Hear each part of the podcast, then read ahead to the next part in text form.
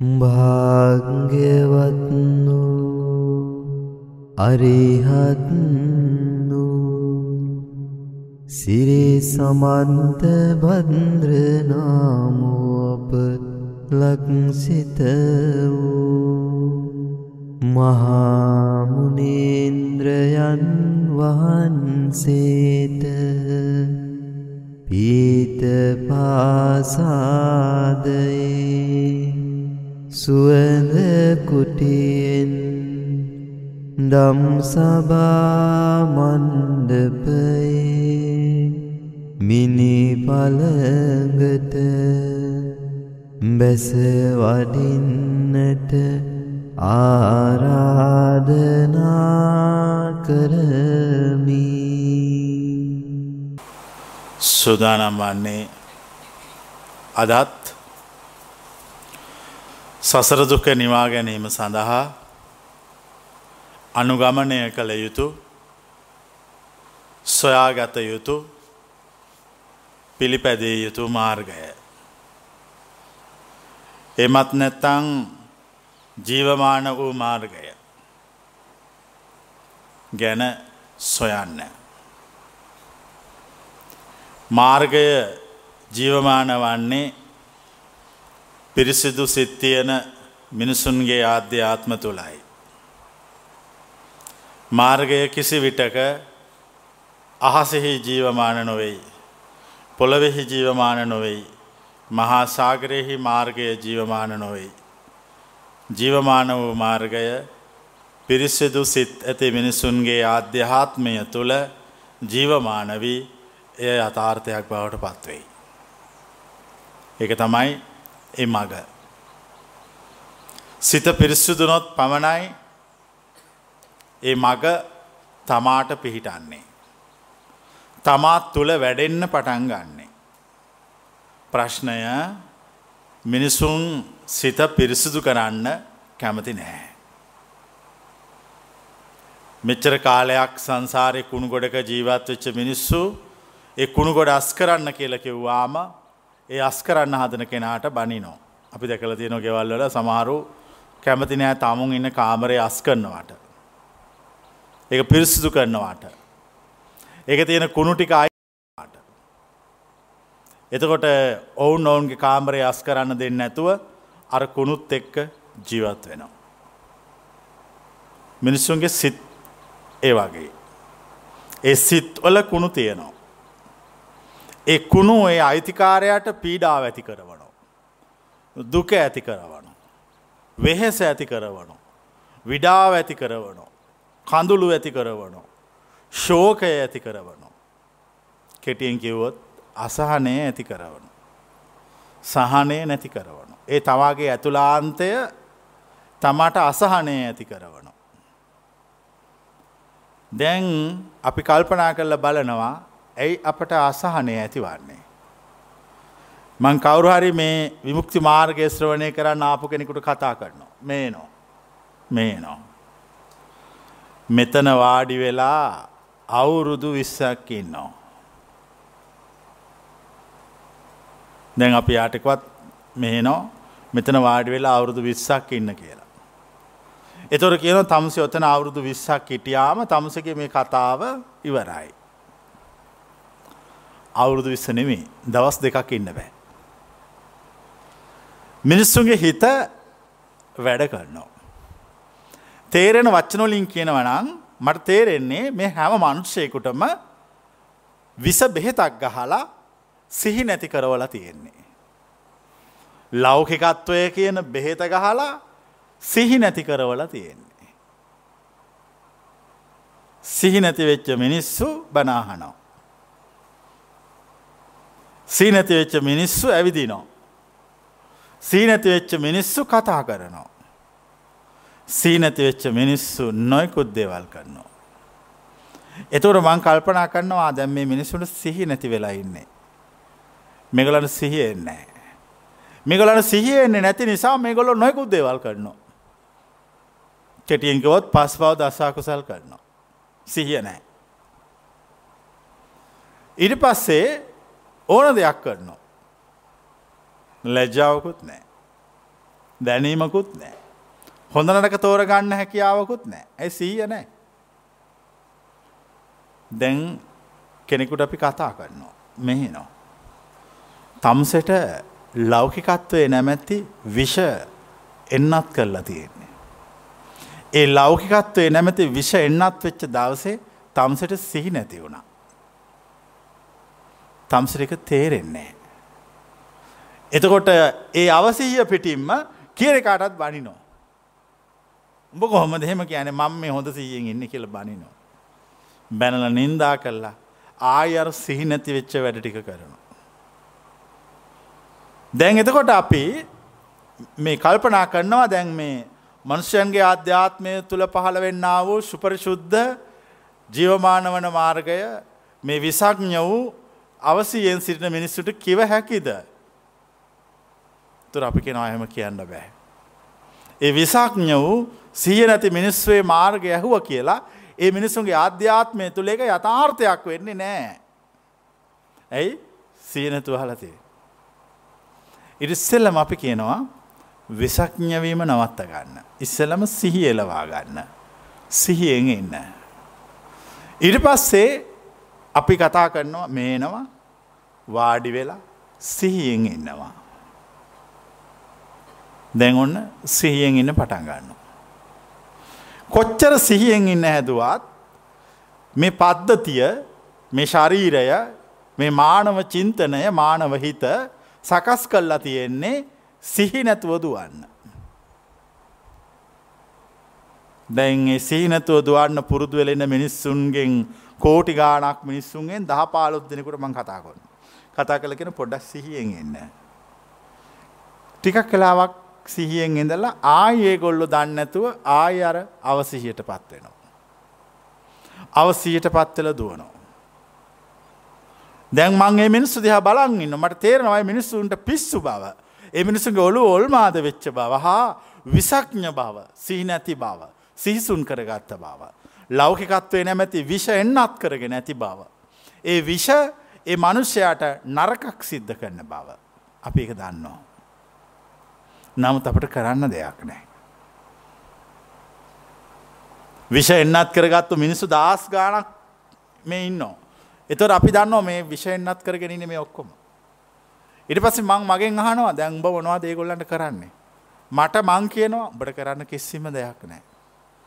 ඔය විස බහිනකං ඉන්න වෙනවා. දැ කලාතුරකින් මේ සසර අපි ඇවිදගෙන යනකොට හිටිය ගමන් අපි එන්නත් කරගත්ත ලෞකිකත්වයේ විෂ අපට බැහැල යනු. මිනිෙක්ගේ ජීවිතයේ ලෞකිකත්වයේ විස බහින්නේ එ මිනිිය වඩාත්ම ආසාාවෙන් හිටපු දේවල් අහිමි වෙනකොට. මිනිාගේ හිතේ තිබිච්ච තද බලාපොරොත්තු බිඳ වැටෙනකොට. තද අපේක්ෂාවන් අලු වෙලා යනකොට. ඔහු ආදරය කරපු කැමතිම දේවල් ස්වබා දහම විසින් ඔවුන්ගෙන් පැහැරගන්නකොට අර ලෞකිකත්වයේ විෂ බහිනවටිකක්. ලෞකිකත්වයේ විෂ බහිනවා විතරක් නෙමේ සිහිය එන්න පටන් ගන්නවා. සිහියාවයින් පස්සේ හිතනවා මම ලෞකිකත්වයේ විෂපානය කළා. ඒ ලෞකිකත්වයේ විෂපානය කිරීම නිසා මම සිහි නැති වෙලා හිටිය. මට දැන් සිහියාවා. මට දැන් අවශ්‍යයි සිහියෙන් ඉන්න. එතුර මං ආයි කතා කරනවා මෙවරෙන් මෙවරෙන් සීයෙන් හිටපං. දැන් සිහියෙන් ඉන්න පටන් ගන්නවා. දැඟිට පස්සේ මංකිවනේ අවුරුදු විස්සක් සිහියෙන් ඉන්න. තප්‍ර ගානක් ඉන්නකොට යාට තේරෙනව කාලය ගොඩාත් දිග බව. කොබලන එක තේරිච්චාය. කාලෙ ගොඩත් දිගයි. එතකොට කල්පනා කරනවා දැන් මේ කාලෙ හුඟක් විශාලයින. මට කාලය විශාල බව තේරෙන්නේ ලෞකිකත්වයේ විෂ පොඩ්ඩක් අඩු වෙච්ච වෙලාවට. කොබලන එක දැනිච්චයි. එතුර තේරෙනවා කාලය ගොඩක් වැඩි. මගේ හිතට අකමැති දේවල් සිද්ධ වෙනකොට මට කාලය දැනෙනවා. මං ජීවිතයේ අකමැති දේවල් වලට මුහුණ දෙනකොට මට කාලය තේරෙනවා. මේ විසක්ඥ භාවය හදල තියෙන එහෙමයි. සීය ගන්න බැරි වෙන්න හදල තිය. මම අකමැති කට්ටිය එක කතා කර කර ඉන්නකොට මට කාලය තේරෙනවා. මම අකමැති කෑමක් කනකොට මට කාලය තේරෙනවා. දෙඟුගේ අනි පැත්ත. මම වඩාත්ම කැමති දේ කරන්නකොට මට කාලය දැනෙන්නේ. ඒත් ඒ කාලය ඒ වේගෙන්ම යනවා. දැන් මට මේ එකම කාලයේ දෙවිදියකට දැනෙනවා. මං අකමැති දේවල් කරන්නකොට කාලය හොඳට මට දැනෙනවා. මං කැමති දේවල් කරනකොට කාලය මට දැනෙන්නේ නෑ. දැන් ඕගොල්ලොයි දෙකින් කැමතිමකොටද. ඕගොල්ලො කැමති කාලය නොදැනෙන්න වැඩ පිළිවෙලට කොබලන එක හරි කියන අය. හොඳ රතුස්සන්න. කාලය දැනෙන්නතු යන්න. කාලය නොදැනෙන වැඩ පිළිවෙල තුළ සසර පවතිනවා. කොබලන එක තේරෙන අය. කාලය දැනෙන වැඩ පිළිවෙල තුළ සසර විනාස වෙනවා. එයයි මාදිස්සන ජීවමාන වූ මාර්ගය. එතුර මම කියනවා මේක ඇත්තටම නවත්තන්න ඕන කෙනෙක් දැක්කාම මං යායට කතා කල්ලානව තම්සේ කාලය දැනෙන මාර්ගයට කැමතිද කාලය නොදැනෙන මාර්ගයට කැමතිද. තොට යා කියනවා මං මෙච්චර කාලයක් මගේ ජීවිතේ මම සතුට වෙලා තියෙන්නේ මම එන්ජෝයි කල්ලා තියෙන්නේ කාලය නොදැනෙන විදියට. මිනිස්සු කරන්නේ කාලය දැනෙනවට විසක් ගහ ගන්නවා. ලෞකිකත්වයේ විෂපානය කරනවා. ලෞකිකත්වයේ විස එන්නත ගහගන්නවා ඇඟට. ලෞකිකත්වයේ විස එන්නත් කරගත්ත මනුෂ්‍යයට කාලය දැනෙන්නේ. දැන් ඒගොල්ලො හරි කැමති කාලය නොදැනීමේ ජීවිත ඉවර කරන්න. දැන් ඔන්න කෙනෙක් කාලය නොදැනෙන්න නොයකුත් ක්‍රියාකාරකම් ඔහුගේ ජීවිතය තුළ උත්සොයා ගන්නවා. කුඩා කාලයේ අපි සොයාගන්න කාලය නොදැනෙන ක්‍රියාකාරකම තමයි සෙල්ලං කිරීම ඉස්කෝලයා මහා ළමයෙක් කරන ක්‍රියාකාරකම් ටික. කාලය නොදැනෙන හොයාගත්ත ටික. ඊට පස්සේ වැඩීටියෙක් වෙනකොට ඒකේ ක්‍රමය වෙනස් කල්ලා ඒගොල්ල ඊට පස්සේ ආදරය ප්‍රේමය රැකියාව විවාහය දූදරුවන් සමග එක්වී සිටීම කාලය නොදැනෙන්න සොයාගන්න. ඕමෝම යනෝ. දැ වයසට ගියාම හොයාගන්න එකක් නැති නිසා කාලය හොඳට දැනෙන පටන් ගන්න. දැස කාලය දැනීමේ අසහනයෙන් මරණයට පත්වෙනවා. නැ මම එක දකිනෝ. මේක මා මුලින්ම දකිනෝ. කැන මට වෙන්න කලින් දකිනවා. මං එන්නේ අතෙන්ට. මංමගේ ජීවිතය ඇවිල නවතින්නේ මෙතන. මෙතන නැවතුනාම මගේ සිත වැඩ කරන්නේ මෙහෙම. එතකොට මට දැමෙන දැවිල්ල අසානය තියෙන මේ විදියට. මන් දැම්ම උත්තරයක් සොයන්න ඕන අජරාමරවීම සඳහා ප්‍රත්‍යක්ෂය සඳහා අවබෝධය සඳහා මේ ප්‍රශ්නයෙන් අයිමෙන්. කාලය දැනෙනවා. කාලය දැනකොට මම කාලය දැනීම තුළම බසිනෝ. කාලය නොදැනෙන ක්‍රමයක් මං හොයන්න කාලය මට දැනෙන විදිිය හොයනවා. ඒකේ මගේ සිත පීඩාවට පත්වෙන්න ඉඩ අරිනෝ. මං ඔබෙන් අහනවා ඔබට කාලය දැනෙන්නම් තියෙන හොඳම දේ මොකක්ද කියලා. කිසිම වැඩක් නොකර ඕනවට වඩා හිතන්නෙත් නැතුව නිකං වාඩි වෙලයින්. කාලය හොඳට දැනෙනවා. මං එතකොට කෙනෙකුට කතා කල කියලා තමස දැන් කිසි බර වැඩක් කරන්නෙත් නැතුව කතා කරන්නෙත් නැතුව කිසි දෙයක් ඇඟට ගන්නෙත් නැතුව ප්‍රතික්ෂේප කරන්නෙත් නැතුව ඕම වාඩිවෙලින්නවා ඕනෝට වඩා හිතන්නත් එපා. හිතන්නත් එපා. එතකොට කාලය දැනෙනවා. කාලය දැනෙනකොට හිත කියනවා උඹට දැන් කාලය දැනෙනවා උඹ නිකං ඉන්න එපා මොකක් හරි හිතපං මොහොකට හරි හිත ගිහිල්ල හිරකරපං හිරකරල ඔය කාලය දැනෙන එකෙන් අයින් ඔයන් කියලා. එම කියනවාද නැත. එම කියන. මම හිත කියන දේ කන්නවා. ඇයි මං හිත කියපු විදියට විෂගහ ගත්තා. ලෞකිකත්වයේ විෂ මට එන්නත් කරගත්තා. එනිසා මං හිත කියපු විදියට දැන් එකක් හිතනවා. මම හිතනවා පුංචි කාලය ගැන. දැම් මගේ හිත එතෙන්ට යනවා. එතෙන්ට ගිහ මර කාලය දැන එක අයින් වෙනවා. දැම් මට සොයක් දැනෙනවා. කොබලන් මේ අත්දැකින් වස්සයෙන් ගත්තයි හරි. දැම් මම නිකම් වාඩි වෙලින්නෝ කිසි බර වැඩක් කරන්න කාත් එකවත් කතා කරන්න මට කාලය දැනනවා මම අනාගතයට යනවා. අනාගතයට ගිහිල්ල මම කරන මොකක් හරි එකක් හිතලා ඇත්ත නෙමේ නිකන් හිතලා කල්පනා කරන ප්ලෑන් කරන. මං හිත එතන නවත්තනවා. නවත්තලා එම හිත හිත ඉන්නකොට මට කර කාලය නිසා ඇතිවෙච්ච විඩාව නැති වෙනවා. ද මාර්ගය ජියවමාන වෙනවා. ඔබ ඉස්සරහා යමෙක් පරමාර්ථය ප්‍රත්‍යක්ෂ කොට පෙනී සිටිනවා. පරමාර්ථය ප්‍රත්‍යක්ෂ කොට පෙනී සිටින විමුක්ති විමුක්ති මඟ ප්‍රත්‍යක්ෂ කරගත් උතුමා. ඒ විමුක්ති මඟ කියන එක් කෙනා අර අතීතය තුළ කාලය නොදැනෙන ක්‍රමය ප්‍රතික්ෂේප කරන්න කියල කියනවා. අනාගතය තුළ කාලය නොදැනෙන්න ජීවත්වෙච්ච විදිත් ප්‍රතික්ෂේප කරන්න කියල කියනවා. එතකොට අයිතිකාරයක් කියනවා ඒ දෙක ප්‍රතික්ෂේප කළ මට ඉන්න බැහැ. ඒ දෙක ප්‍රතික්ෂේප කල්ල මම ඉන්න ගියා මට කාලය හොඳට රිද්දෙව්වා. මට කාලය අසහනය ඇති කරවනවා. පීඩාව ඇති කරවනවා.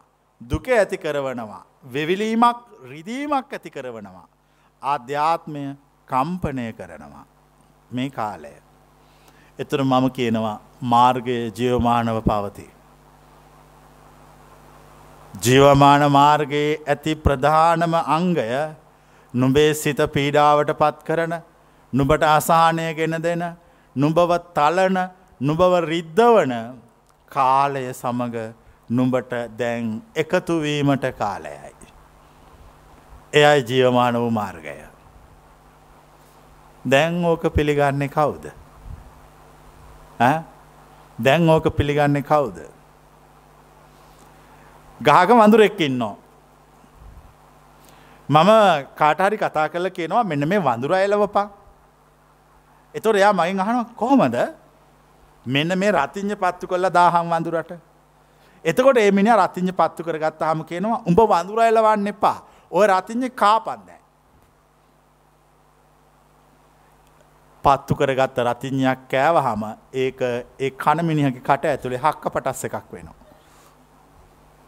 ඒක රතිඥාවක් වෙන්න ආය. උගේ කට පුපුරල යනවා. දැම් මම් මේකට කිවේ වඳුරෙක් කෙලවන්න කියලා වඳුර එලවන්න ලෑස්ති වෙනකොටම රතිං්ඥ පත්තු කල්ලා ඉවර වෙලා පුරන්න හදනොටක උඹකාපන් කිය. දැන් ඕගොලු කැමති දේ රතිඥ කන්න. කවුරුවත් කැමති නෑ. කවරුවත් කැමති නෑ. තින් දැන් මට කරන්න දෙයක් නැහැ. මමිට පස්ස ඉස්සරා පෙනිසිරිල්ල කියනෝ ජියවමාන වූ මාර්ගය ආඥාවයයි. උඹට ආත්ම ශක්තිය නැති වූ නිසා උඹට ඒ කර ගැනීමට තරං හිතහයිය නොවන නිසා උඹ පැරදී. උඹ හොඳ වඳුරු එලවන්නම තමයි. උඹ ආධ්‍යාත්මය සෝපත් කරගන්න සුදුසු නැහැ උඹ හොඳයි වඳුරුව එලවන්න ගිහින් වඳුරුම ලෝපන් ජීවිත කාලෙම. මිනිෙකුට තද ආත්ම විශ්වාසයක් හා තද ආත්ම ශක්තියක් නැති නිසා හැම්මත් තැනම ලෞකිකවත් පරදිනවා ලෝකෝත්තරවත් පරදිනවා. ඒක ඔයමෝටම පොදුයි. ආත්ම විශ්වාසය තියෙන මනුෂ්‍යයා මේකේ ඇත්ත තේරුම් ගත්ත මිනිහා. මේ කතාවේ ඇත්ත තේරෙන කෙනා කෝමාරි තමුගේ ජීවිතය පරමාර්ථයට අවශ්‍ය දේ කරගන්න එක ලේසි නෑ. අමාරුයි. එක අමාරුයි. දැන් මේ ඉන්න බෝ දෙනෙකුගේ ජීවිතය හොඳට ඇවිදින්න පුළුවන් කන්න පුළුවන් නිරෝගී කිසි ප්‍රශ්නයක් නෑ. හැබැයි ඕක හොම හැමදාම තියෙන්නේ නෑ. ටික ටික ටික ටික ජරාවට පත් වෙනවා ලෙඩ වෙනවා මරණයට මෙහෙම ලං වෙනවා අසාධ්‍ය වෙනවා එක් තැන් වෙනවා ඔන්න එක් තැන් වුණාම කාලය දැනෙනවා. දැම් මම එක්තැන් වෙන්න කලින් කල්පනා කළා. අයම්පිකෝ කායෝ ඒවන් දම්මෝ ඒවන් භාවී ඒතන් අනතිතෝති. මම අනාගතයේ දවසක එක්තැන් වෙනවා. මම අනාගතයේ දවසක මට අතපය හොල්ලන්න බැරුව හිත විතරක් වැඩ කරන්න අවස්ථාවකට මම පත් වෙනවා. මනුස්සේගේ අතපය හොල්ලන්නත් බැරුව කතා කරන්නත් බැරුව හිත විතරක් වැඩ කරනකොට අදහස් ප්‍රකාශ කිරීමට හා ක්‍රියාකාරකම් කිරීමට පුරුදු වෙලා හිටපු මනුස්සයට විශාල දැඩි මානුසිකාසානයක් ඇති වෙනවා. ඔය මිනිස්සු මැරණකොට ගොඩක් අකමැත්තෙන් මැරෙන්නේ එකයි. අදහස් ප්‍රකාශ කරන්න පුළුවන්නම් එගොලන්ට අතපය හොල්ලන්න පුළුවන්නම් එගොලන්ට අසහනය එච්චර දැනෙන්නේ. දැන් මම තේරුම් ගන්නවා මෙහෙම වෙනවා. මෙහෙම උනාමත් මට ඕන කෙලින් ඉන්න. මෙහෙම උනාමත් මට ඕන අසහනයක් නැතුව ඉන්න. ඒකට මං මාර්ගයේ ජියවමාන වෙලා පවතිනවා ඒ ජියවමාන වූ මාර්ගය තුළට මම බසින්න ඕන. හැබැ බසින විදිය හරි අමුතුයි. මට කෙනෙක් ඇවිල්ලා වඳුරෝ එලවන්න කතා කළා එයා මට රතිඥා ටිකක් දුන්නා දීල මට කිව්ව එකක් පත්තු කල්ලා වඳුරට දාපන් කියලා මං එක පත්තු කල්ලා වඳුරට දාන්න හදනකොටම අතින් අලල්ල කිව්වා ඕක කාපං කියලද. කියල පිටට ගහල කිව්වා ඕක තමයි මම කියපු ජීවමානව මාර්ගය. එයාට විශ්වාසයක් නැහැ අර රතිඥ කන්න හායාට ආත්ම ශක්තියක් නැහැ අර රතිඥි හපන්ඩ. මොකද රතිඥ පුපුරලා ඇතිවෙච්ච සම්ප්‍රදායික කාරණා එයාගේ රතිඥ්ඥේ හපන එක නවත්තනවා. තින් ඔගොලුන්ටත් වෙන්නේ එකයි. හැමතිස්සෙම මානව චින්තනය වැඩ කරන්නේ අනුසෝතගාමීව. හැමතිස්සෙම මානවය ජීවත් වෙන්නේ විසඥ වෙලා සී නැතුව. සී නැතුව ජීවත් වෙන මානවය හැමතිස්සෙම කැමති සුන්දර අනාගතයක් පතන්න. බලන් නොගොල්ලෝ නිකං ඉල්ලාට ඔය මවන චිත්‍රවල ලෙඩ්ඩු නෑනේ සතර පෙරනිමිති එකක් අත් නෑ. ලෙඩ්ඩු නෑ මහල්ලො නෑ මරණ නෑ ශ්‍රමණයෝ නෑ සතර පෙරනිමිතිනෑ අපි මහන සීන චිත් ලෝකවල. ඒවා ඉන්නේ අපි හිතන වයස කට්ටිය විතරයි. ඒවා ඉන්න අය කන්නේ අපි හිතන කෑම බොන්නේ අපි හිතන ඒවා එගොල කතා කරන්නේ අපට ඕන දේවල්. දැන් අපි එම හිතාගෙන ගිහිල්ල බැලුව හම ඇත්තටම අපි හිතපුව එතන නෑ. හැම වයස්සකමයි එතන ඉන්නවා. සතර පෙර නිමිතිම තියෙනවා. යථාර්ථවාදීව අපට පෙනෙන ඇහෙන ලෝකයයි අපි හිතන ලෝකයයි දෙකක්. කොබලන එක තේරෙනයි. නොල් එක දෙකක්. හිතන ලෝකය කවදාකත් යථාර්ථය තුළ දකින ලෝකය නෙවෙයි. මෝඩය අඥ්ඥානය ලෞකිකත්වයේ විෂ එන්නත් කරගත්ත පෞකාර මනුෂ්‍යයා හිතනවා හිතන ලෝකයයි ඇත්තටම තියෙන එක එකක් කියලා. ඇයි එයා මේ සංසාරය දිගටම හිතල හිතල හිතලා ප්ලෑන් කල්ලා පුරුද්ධට ආය හිතනවා. එම හිතල ගිහිල්ලේ මග විනාස කරගන්නවා. මාර්ගයේ ජියවමාන වනහම වඩලා ඉවර කරගන්න හිත් දෙන්නේ. දැන් ආය විල්ලහනවා දැ මාර්ගයේ ජියවමාන වෙලා තියෙන මට අවශ්‍යයි මේ වචන මගේ කරගන්න. මට අවශ්‍යයි මේ වචනොලට ඇත්තරම බහින්න. මට අවශ්‍යයි මගේ ජීවිතය මේ වචන කරගන්න. මට අවශ්‍යයි මට මාව නැති කරගන්න. මට අවශ්‍යයි මගේ ආධ්‍යාත්මය පරිපූර්ණ කරගන්න. හා මට හොඳ විශ්වාසවන්තයෙක් ලෙස ලෝකය තුළ ජීවත් වන්න.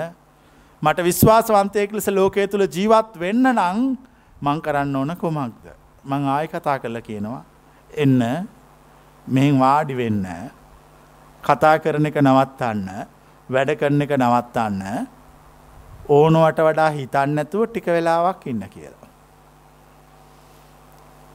මේ ලෞකිකත්වයේ විෂ එන්නත් කරගත්ත මිනිස්සුන්ට ඒම ඉන්න හිතෙන්නේ.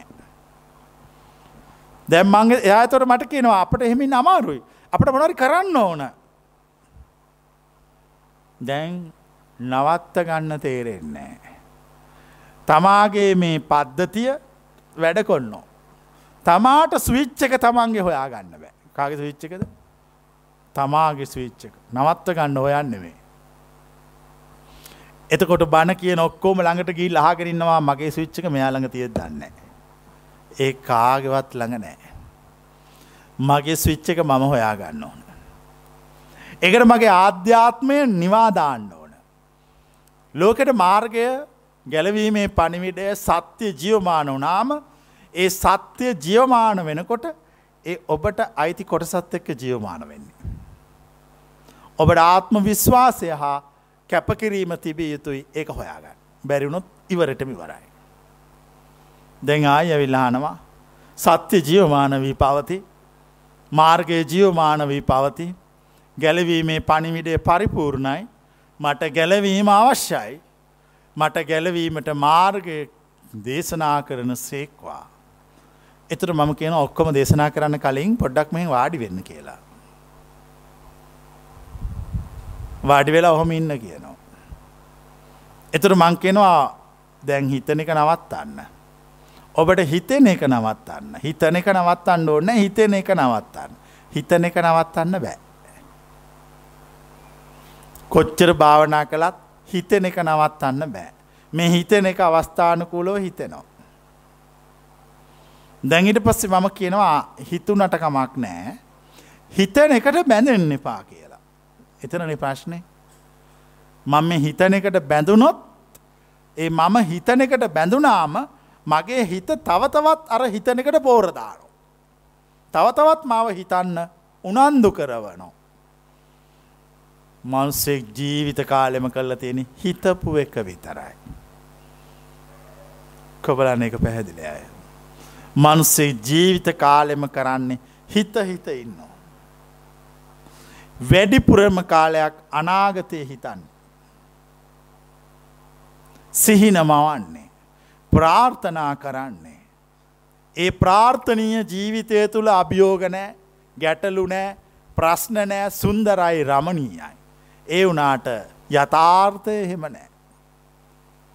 මාර්ගය ජියවමාන වනාම ආයවිල් අහනවා කෝමද ගැලවින්නේ මොකක්ද පණිවිඩේ කියලා.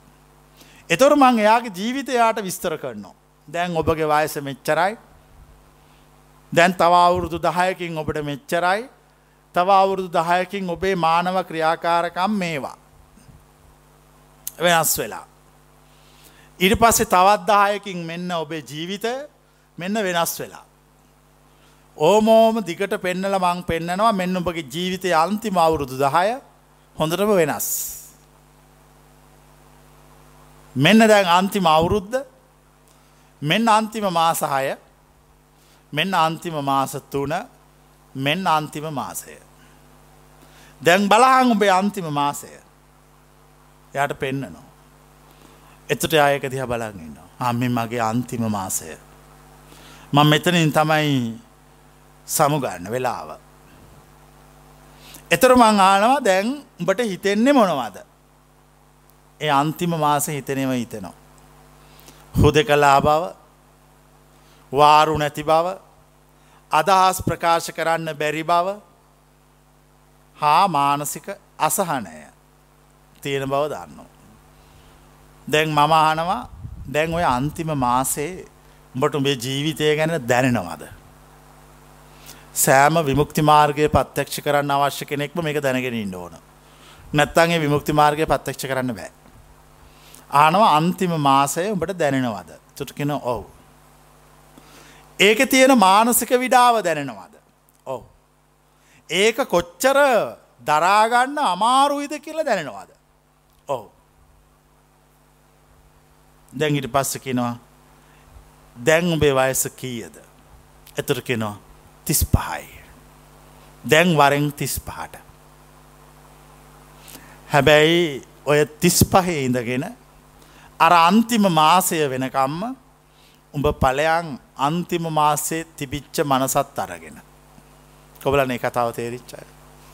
අන්තිම මාසෙ තියෙන සිතේ ස්වභාවටික අන්තිම මාස හිත වැඩ කරන විදිය අන්තිම මාසෙ කල්පනාවෙනේවා අන්තිම මාසේ දැනෙනේ වටික මම තිස් පහේදි ගන්න.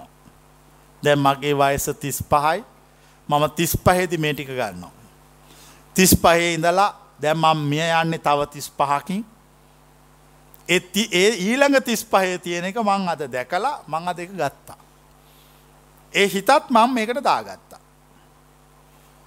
දැම් මට තේරෙනවා මනුෂ්‍යෙක් මැරෙන්ඩ මාසකට සතියකට දෙකට කලින් ඒ මනුස්සගේ අධ්‍යාත්මය තුළ ඇතිවෙන හුද කලාව.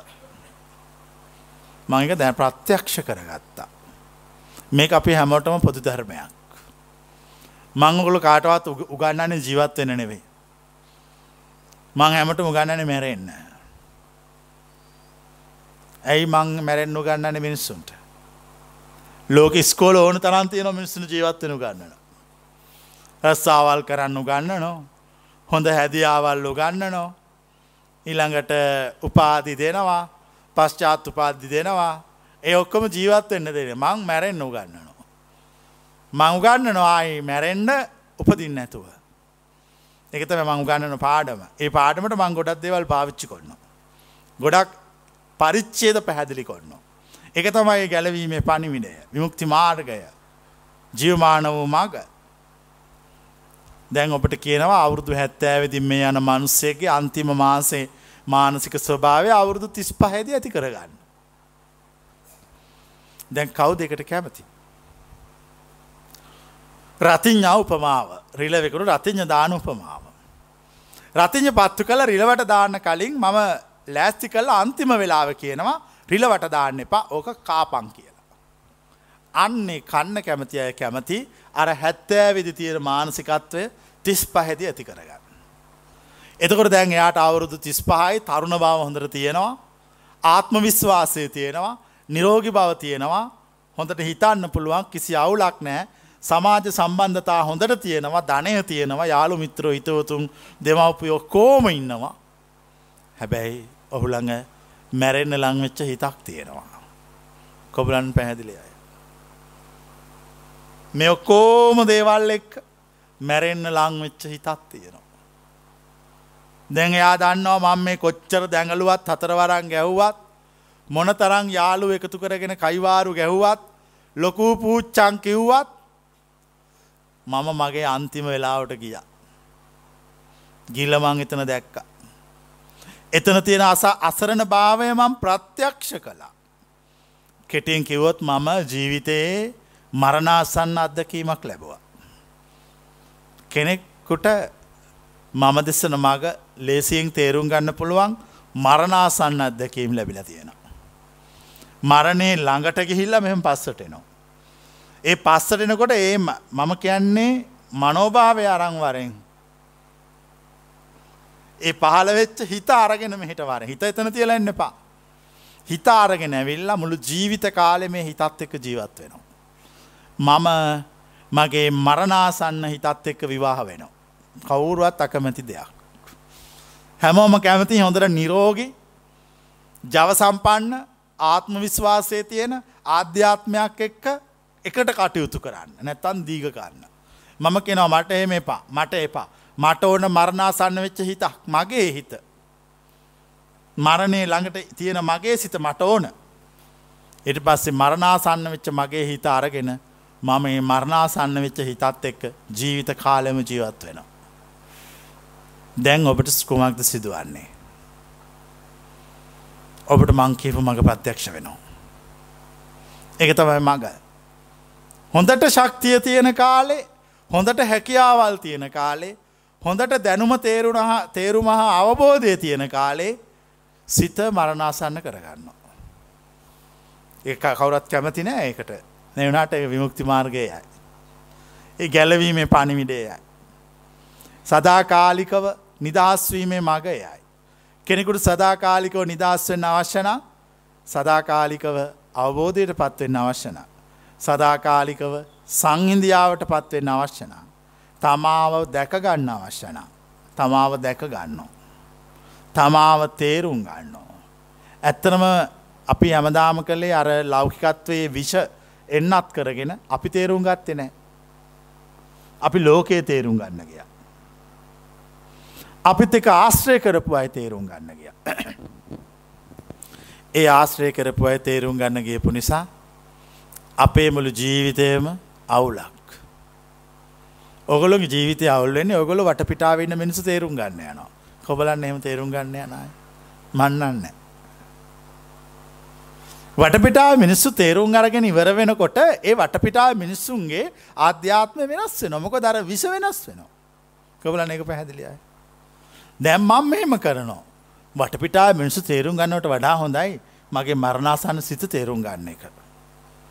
මොක දෙක වෙනස් වෙන්න එක කොහොමත් එතන තියෙන්නේ. ඒ අනාගතය පවතින් මංක තේරුම් ගන්නවා. මං ඒක තේරුම් අරගෙන ඒක ප්‍රත්‍යක්ෂ කරන්න වෑයන් කරනවා. මට එතකොට වටපිටාව කෙනෙක් මොන විදිහද හිතන්නේ මොනවද කරන්නේ මට එක අදාල නෑ. මට අදාලයි. මරණාසන්න වෙලාවේ මගේ හිත වැඩ කරන විදිය. මාර්ගයේ ජීවමාන වනාමේ ජීවමාන වෙච්ච මාර්ගයේ පෙන්වන්නේ මරණාසන්න අවස්ථාව ඔබේ හිත වැඩ කරන විදිිය. ඒක පෙන්නුවාම ඒක එයා දැක්කාම එයාට එහෙම ප්‍රමාණවත්. ඉට පස් එයා කරන්න මුළු ජීවිත කාලෙම අර මරණාසන්න වෙච්ච හිතත් එක්ක ජීවත් වෙනවා. ඒ මරණාසන්න වෙච්ච හිතත් එක ඉන්නවා. ඒ මරණාසන්න වෙච්ච හිත දකිනෝ. ඕගොල්ලො කැමති නෑ ඕගොල්ලන්ගේ අන්තිම වෙලාව තියෙන හිතත් එක්ක මුළු ජීවිත කාලෙම ඉන්න. ඕගොලො කැමති ජීවිතය තුළ වින්දනය සොයන්න. ජීවිතය තුළ වින්දනය සොයන්. ජීවිතය තුළ වින්දනය සොයනකොට අයිතිකාරය හිතනවා අර මරණාසන්න හිත එකට බාධාවක් කියලා. එතුර අර හිත අයින් කල්ලා විඳින්න පුළුවන් හිතක් හදාගන්න. විඳින්න පුළුවන් හිත හැමතිස්සම කෘතිමයි. කොවලන එක තේරෙනයි. ඒ අවස්ථාවට සාපේක්ෂකයි. ඒ වෙලාවට විතර ඇතිය. විඳලා ඉවර වෙනකොට සිත නෑ.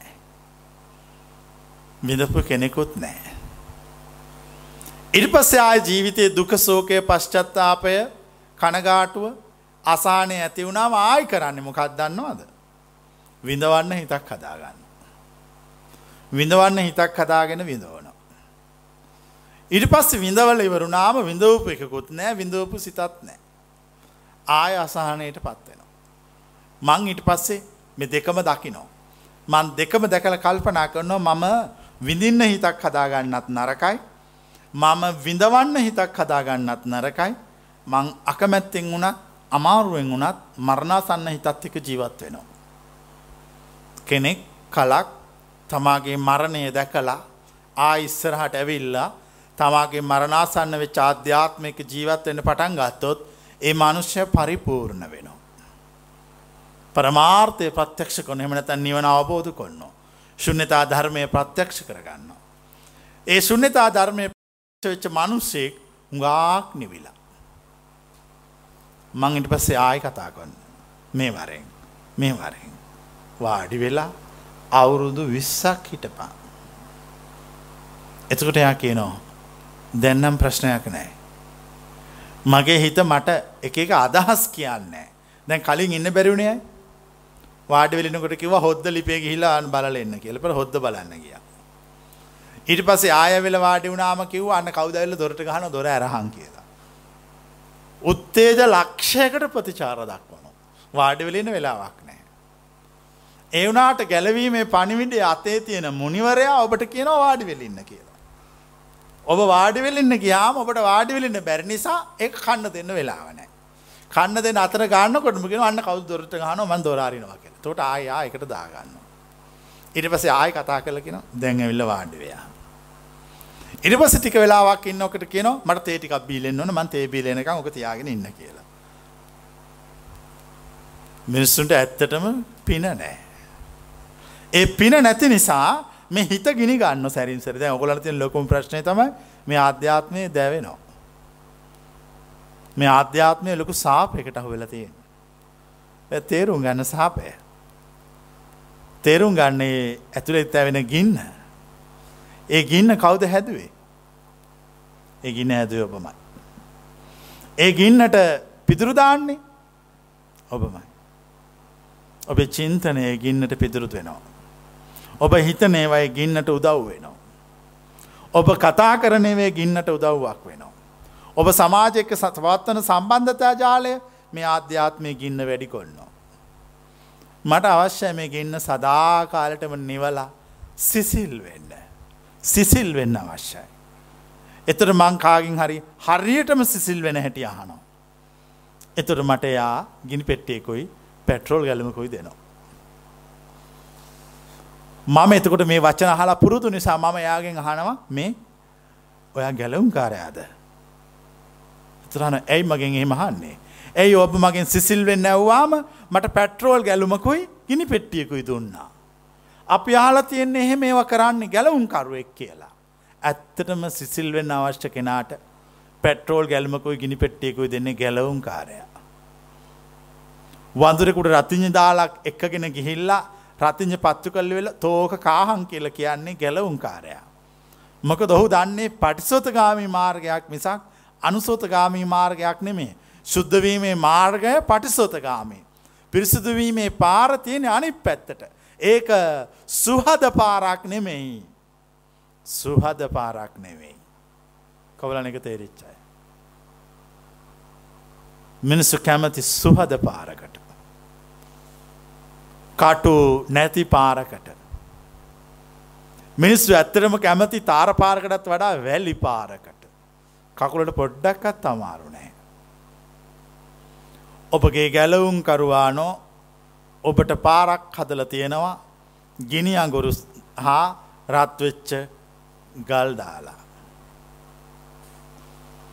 දැ මං ආනවා මේ ගිනි අගුරු සහ රත්වෙච්ච ගල් දාලා හදපු පාරේ යන්න කැමති කවුද කියලා.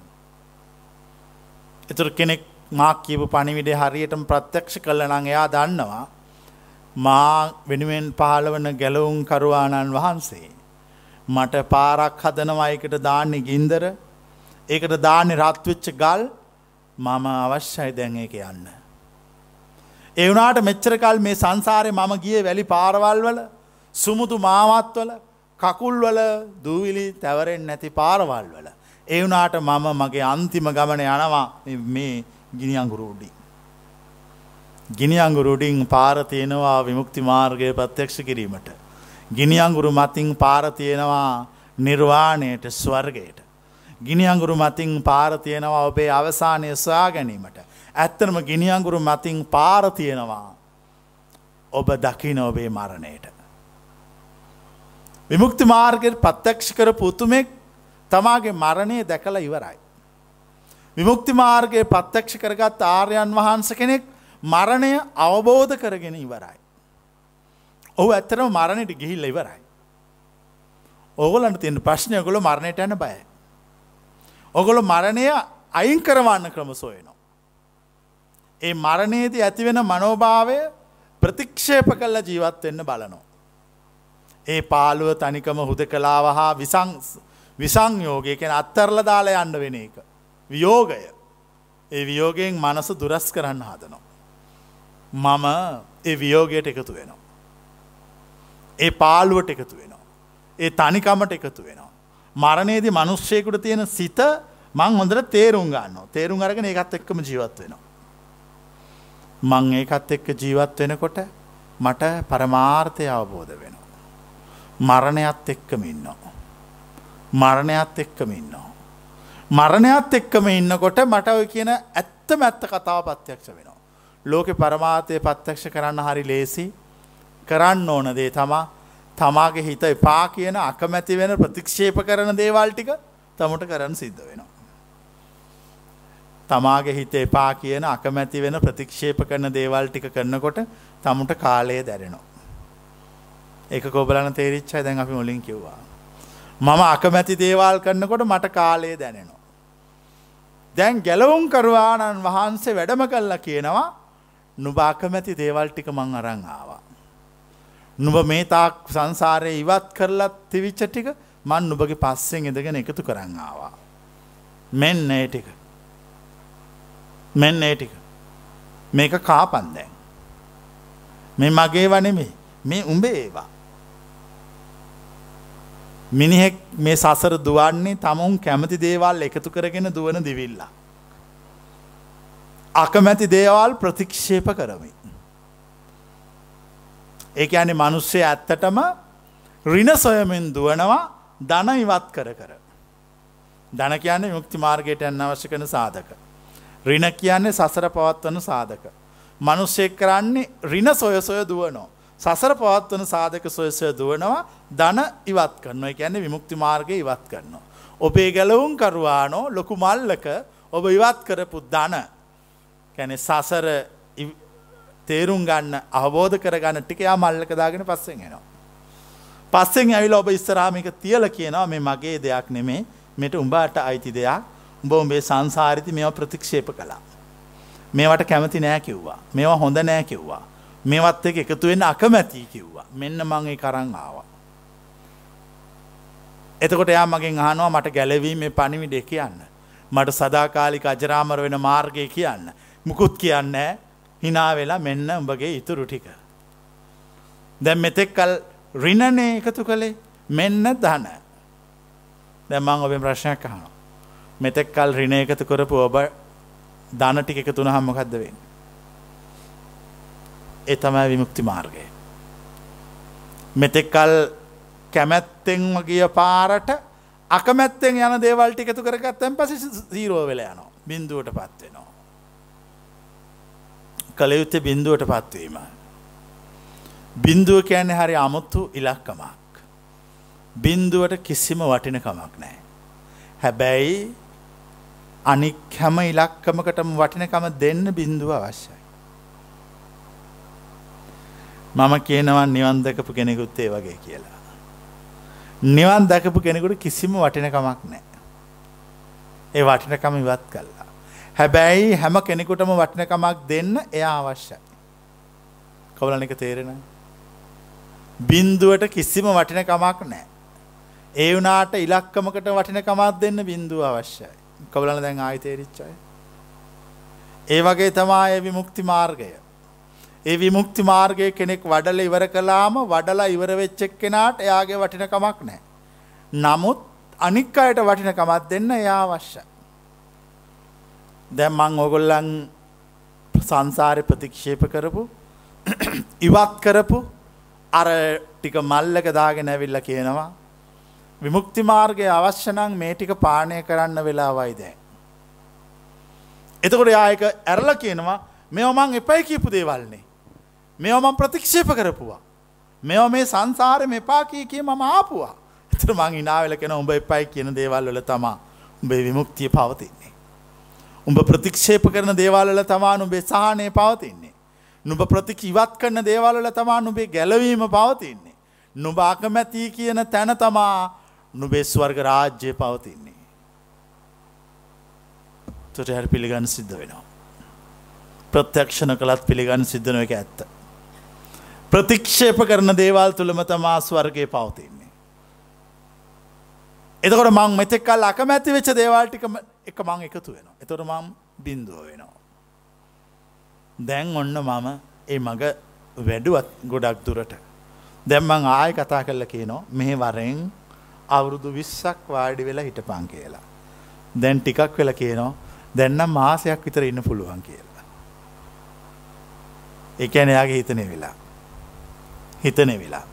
ඉටස මං කියනවා දැන් ඔය මාසන ඉන්න පුළුවමෙන ඔච්චරෝක කල්ලා තව අවුරුදු දහනමයයි මාසත කොළහක් ඉන්න ඉතුරු ටිකත් හොයා ගනය කියලා. ඉට පස් යහනවා ඉතුරු ටික හොයන්නේ කොහොමද. ඉතුරු ටික හොයන්න දෙයක් නෑ ඉතුරු ටික වාඩි වෙල හිටපා. ඒ නිවන් මග මහාලොකුවට වඩන එකක් නෙවෙයි. ඒ නිවන් මග ලොකු මගුල් ගෙදරක් වගේ එකක් නෙමෙයි ඒක. ඒ සෙල්ලංගයක් වගේ එක. ඒ වනාට මිනිස්සු ඉතන් ඉන්නේ නිවන මගුලක් වගේ එකක් කියලා. පෝරු හදල නෑදෑයන්ට එන්න කියලා. බෙර ගහලා රතිං්ඥ පත්තු කොල්ලා කෑම හදල කරන එකක් කියලා මං කියෙනවා නෑ නෑ මුකුත් ඕන්නෑ. හදාපං සෙල්ලංගයක්. තියාපං පොල් කටුවලට බත් එන්න කියාපං යාළුවන්ට. එතුර මගින් කෙනෙක් අහනවා ඔබ වහන්සේ පෙන්වන සදාකාලික වීමේ ගැලවීමේ පනිවිඩ අර මගුල් ගෙදරද තියෙන්නේ මේ සෙල්ලන්ගේ ඇතුළද තියෙන මංකෙනවා මේ සෙල්ලන්ගේ ඇතුළ එක තියෙන. අපිතු එක මගුල් ගෙතර ඇති කියලා එක තම උඹලට වැරදිචි තැන හැමදාම ලෝකෙ විශාල දේවල් ලෝකෙ මහාදේවල් හොයාගත්තෙ පුංචි මිනිස්සු. ලෝකෙ විශාල දේවල් කරේ නෑ විශාල කවුරුවත්. හැමදාම විශාල දේවල් කරන අය කරේ වැදගම්ම කර නැති දේවල්. පුංචි දේවල් කරපු අය කළේ වටිනාම දේවල්. එනිසා මං ඔබලාට කියනවා ගැලවීමේ මාර්ගය ප්‍රත්‍යක්ෂ පවතින්න හැමතිස්සම ලොකු තැනකනෙමේ පොඩි තැනක කියලා. ඒ වනාට පොඩි තැනක එක තිය කියල පිළිගන්න කැමති නෑ. හැමතිස්සම ඔයන ලොකු තැනක. හැමතිස්සම සොයන්නේ උතුම් තැනක කෙනෙක් මේ ආශ්‍රමයට පලවෙනි දවසේනවා. එතකොට එයා හිතනවා උන්වහන්සේ අර ලොකු පුටුවේ වාඩි වෙලා මහා පිරිසක් පිරිවරාගෙන මහාලොකු සාකච්ඡා කරන ඇති තර්ක කරන ඇති විතර්ක කරන ඇති කියලා. මම අර ගහක් අස්තට වෙලා තන කොළ ගලව ගලව ඉන්නවා. ඒ මිනිහ මට ඇවිල්ල කියනවා මම මේ ඔබ හම්බෙන්න්නාවේ පලයන් යකෝ යන්න කියලා මම තන කොළ ගලවන. මං එච්චර අයුත්තරේ. අර හිත කැඩිලම යනවා. ඇයි හිතාගෙනාපු එක නෑ. හිතාගෙනාවේ මේ මා පුටුවක ඉඳගන්න දේශනා පවත්වගෙන ඇති විශාල පිරිසක් පිරිවරාගෙන නැහැ තන කොළ ගලෝ ගලව ඉඳල කතා කරන්න ගහම් බැනලෙලේ පලය යන්න කියලා. ඇත්තටම මම ඔබලාට හිතන දේ දෙන්න හැ. ඔබලා නොහිතන දේ ඔබලාට දෙනවා. ඔබලා නොහිතන දේ තුළ ඔබලාගේ ගැලවීම පවතිනවා. ඔබලා හිතන දේ තුළ ඔබලාගේ සසර පවතිනවා කොබලන් පැහැදිලියයි. මතක තියාගන්න ගැලවුම් කරුවෙක් ඔබලාට දෙන්නේ වසමිසක් ආමුෘතය නෙවෙයි. වසමිසක් අමුෘතය නෙවෙයි. ගැලවුම් කරුවෙක් ඔබලාට වස දෙනවා. බීලයවරුනාම අමුෘතය වෙනවා. මට තේරෙන එච්චර. එ දෙන්නේ වස. බීලයිවරුනාම එක්ක කියනවා මේක තම අමුෘතය. මේක තම මම හෙව්වේ. මම හෙවේ මට මගෙන් අයින් වෙන බෙහෙතා. මොකද මාතුල මා සිටියා මං ගොඩක් ප්‍රශ්නවලට මුණ දුන්න. ගොඩක් අභියෝකවලට මුණ දුන්න මාම මාව නඩත්තු කරගන්න මං කොච්චර දැඟලුවද. මට ජීවිත කාලයක් රස්සාාවක් කරන්න සිද්ධ වුණා. මගේ තත්ත්ව රැකගණ්ඩ. මිනිසු රස්සාවල් කරන්නේ තත්ත්ව රැකගන්න. කෑමකන්න ඕන නඟති හිඟා කෑවන ඇතිනේ මිනිස්සු ඉඟා කන්න කැමති නෑ තත්ත්වයක් නැති නිසා. හැමතිස්සම මිනිස්සු බලන්නේ සමාජය තුළ ගෞරවයක් හදාගෙන ඉන්න. ඒ තමයි එයාගේ සමාජයේ හා සසරේ පැවැත්ම. එනිසා මං කියනවා මෙහෙම කරන්න. මේ දේවල් දිහා මැදහත්ව බලන්න. මේ දේවල් වැඩි ඇඟට ගන්න එපා. ජීවිතය කොහොමත් ඉවර වෙනවා. කාලය ඉතාම වේගෙන් යනවා මට සිහිය නැති වෙලාවට. මට සිහිය නැති වෙලාවට. ඒ නිසා මම කාලයේ වේගය හොයාගන්න ඕන මට මැරෙන්න්න කලින් කොබල එකට කැමතියි. මට ඇත්තරම දැනගන්න ඕන මේ කාලය කියන චක්‍ර කොච්චර වේගෙන් කැරකැවෙනවාද කියලා. මං කියන්නම් දැනගන්න විදිිය. වචන නවත්තන්න. ක්‍රියාකාරකම් නවත්තන්න. සිතට නැවතෙන්න ඉඩ දෙන්න. එතකොට ඔබට කාලය වේගේ දැනේවි. කොබලන්න කීපක තේරිච්චයි. වච්චන නවත්තන්න. වචී මෝනයට පත්වෙන්න. වචී මුනිවරේ කියන්නේ කතාන කරන කෙනෙක්. කාය මෝනයට පත්වෙන්න. කාය මෝනයට කියන කිසිම ක්‍රියාවක් නොකරන කෙනෙක්. මනෝමෝනයට පත්වෙන්න. මනස වැඩ කරන එකෙන් අයින් වෙන්න. එතකොට ඔබට කාලය තේරේවී. ඇත්තරම කෙනෙක් කාලය වැඩ කරන වේගය තේරුම් ගත්තයින් පස්සේ ඒක තමා මේ ස්වබාදහාම චලනය වන රිද්මය. මම ඉන්න එක. මම ඉන්නේ රිද්මයේ. ඒ රිද්මයේ මට ඉන්නකොට කිසි මහන්සියක් නෑ. ඔගොලොන්ට හරි මහන්සේ. හැමෝම කියන අපට හරි මහන්සේ. අපට හරි විඩාවයි. ඇයි ඔගොලු රිද්මයට විරුද්ධෝ සටන් කලා. කොබලන්න පැහැදිලිය. මේ පවතින පද්ධතියට එරෙහි වෙන්න බැලුවා. එතොට මහන්සි මහන්සි වුණා.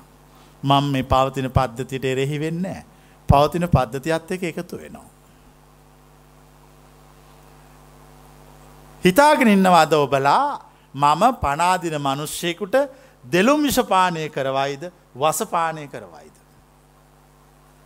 මම පනාදින මිනිහෙකුට වස දෙනවා. ඒ මගේ ධර්මය. කොබලන එකට කැමතිය. එයාගේ ගමන ලේසි කරවනු. ඇ ගමන ලේසි කරවනවා. පනාදින මිනිෙකුට දෙලුන් දීලා ආයිතියාගෙන තව පාරක් ඇදහන් කියලා ආයි අදවන්නේ එක කරදර අයතකොට මන්සයට පලයන් කියලා ඔවම යවල දානවා. ඒක තම අපි දන්න මාර්ගය. මොකද අපි එයා යනතැන දන්නවා. එයාට වෙනදේත් දන්නවා. නරකක් වෙන් නෑ කියලත් දන්න හෙන ඉතින් ගමන සුබනං මොකත කරන්න ඕන. පලයා යවන්න ඕන. මේ ජීවිතය දිහා මේ මං වගේ බලන්න. ජීවිතය දිහා මංවගේ හිතන්න. ඒ හිතනකොට ස්වභාවය තමයි එයාගේ ජීවිතේ අසතුටක් නෑ. මං ඔගොල්ලගෙන් ප්‍රශ්නයක් අහනවා. මේ දේශනාව පවත්වන්න මං මෙතෙන්ට එනකොට මේ පුටුවයි මේමයි මේකයි මේ ඇද්දලයි මේ ඔක්කොමයි මේ කාපොටු ඔක්කොම කවුරට ගෙන හිල්ල තියෙනවා. ඔකොළු ලස්සනම බණහන්නේ දාට. කොබලන්න මං කෙනෙක තේරෙනය. ඒ මට දැනෙන විදිය. හා මං වැඩ කරන්න එහෙම අනි පැත්තර වැඩ කරන්න. ඔගොලන්ට වෙලා තියෙන්නේ දැන් ඔන්න මේව තියේ කියල හිතාගෙන උඩින් පල්ල හටෙනවා. මේව නැතිවෙච්ච ගමන් අන්ඩල්ලා පියෙහි විප්ප යෝගෝ දුක්කෝ කියල තමයි බණ පටන් ගන්නේ. ඇයි ප්‍රිය සම් ප්‍රියයන්ගෙන් වෙන්වීම දුකයි. මට ප්‍රියන්ගෙන් වෙන්වීම සැපයි. මට අනි පැත්තර වැඩ කරන්න.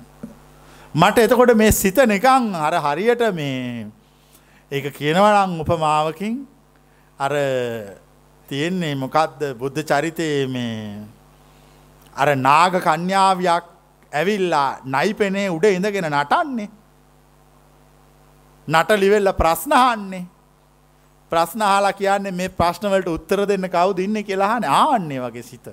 සිත නිකන් නටන්න පටන් ගන්නවා. සිත අවදි වෙන්න පටන් ගන්නවා. හැමතිස්සෙම පරමාර්ථය අවබෝධ කළ මොනිවරයගේ සිත අවදි වෙන්නේ අහිමිවීම් වෙනකොට. ඕගොල්ලන්ගේ අනිත් පැත්ත. දැන් ඔගොල්ලොයි ධර්මය අවබෝධ වනෝතින් තේරේවයා උන්වහන්සේ අපට මෙව කියල තිබුණා.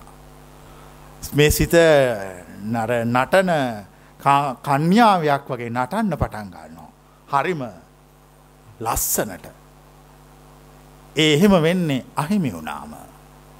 ජීවිතය අහිමිවීම් භාරගන්න රිද්මයට එකතුවෙනවා කියන්නේ ඒකයි. කලබලයන්න කිසිම. මරණාසන්න මනුස්සෙකුට දෙලුම් මිස වෙනුවට වසපානය කරන්න දෙන්න. හොඳටෝම මිනිහෙක් ගුටිකාලා මල්ලඟට එනවා. තෙල් බෝතලෙකුත් අරගෙන. මගේ ධර්මය හැටියට ඔහුට තෙල් ගාන්න අවසර නෑ. ඔහුට ගහන්න අය අවසර තියෙන්නේ. දැම් මෙයකාට ගොඩක් රිදෙන මනුස්සේ. දැම් මම තව ගැහුවතින් ඒ ගහප් එකේ රිදීම නිසා අර රිදීම අවතක වෙලයන. කොබලන්න එක තේරෙන අය. මං ඒක නිසා තව පොල්ලක් කඩාගෙන ඌට ඊට වඩා රිදින්න ගහනවා.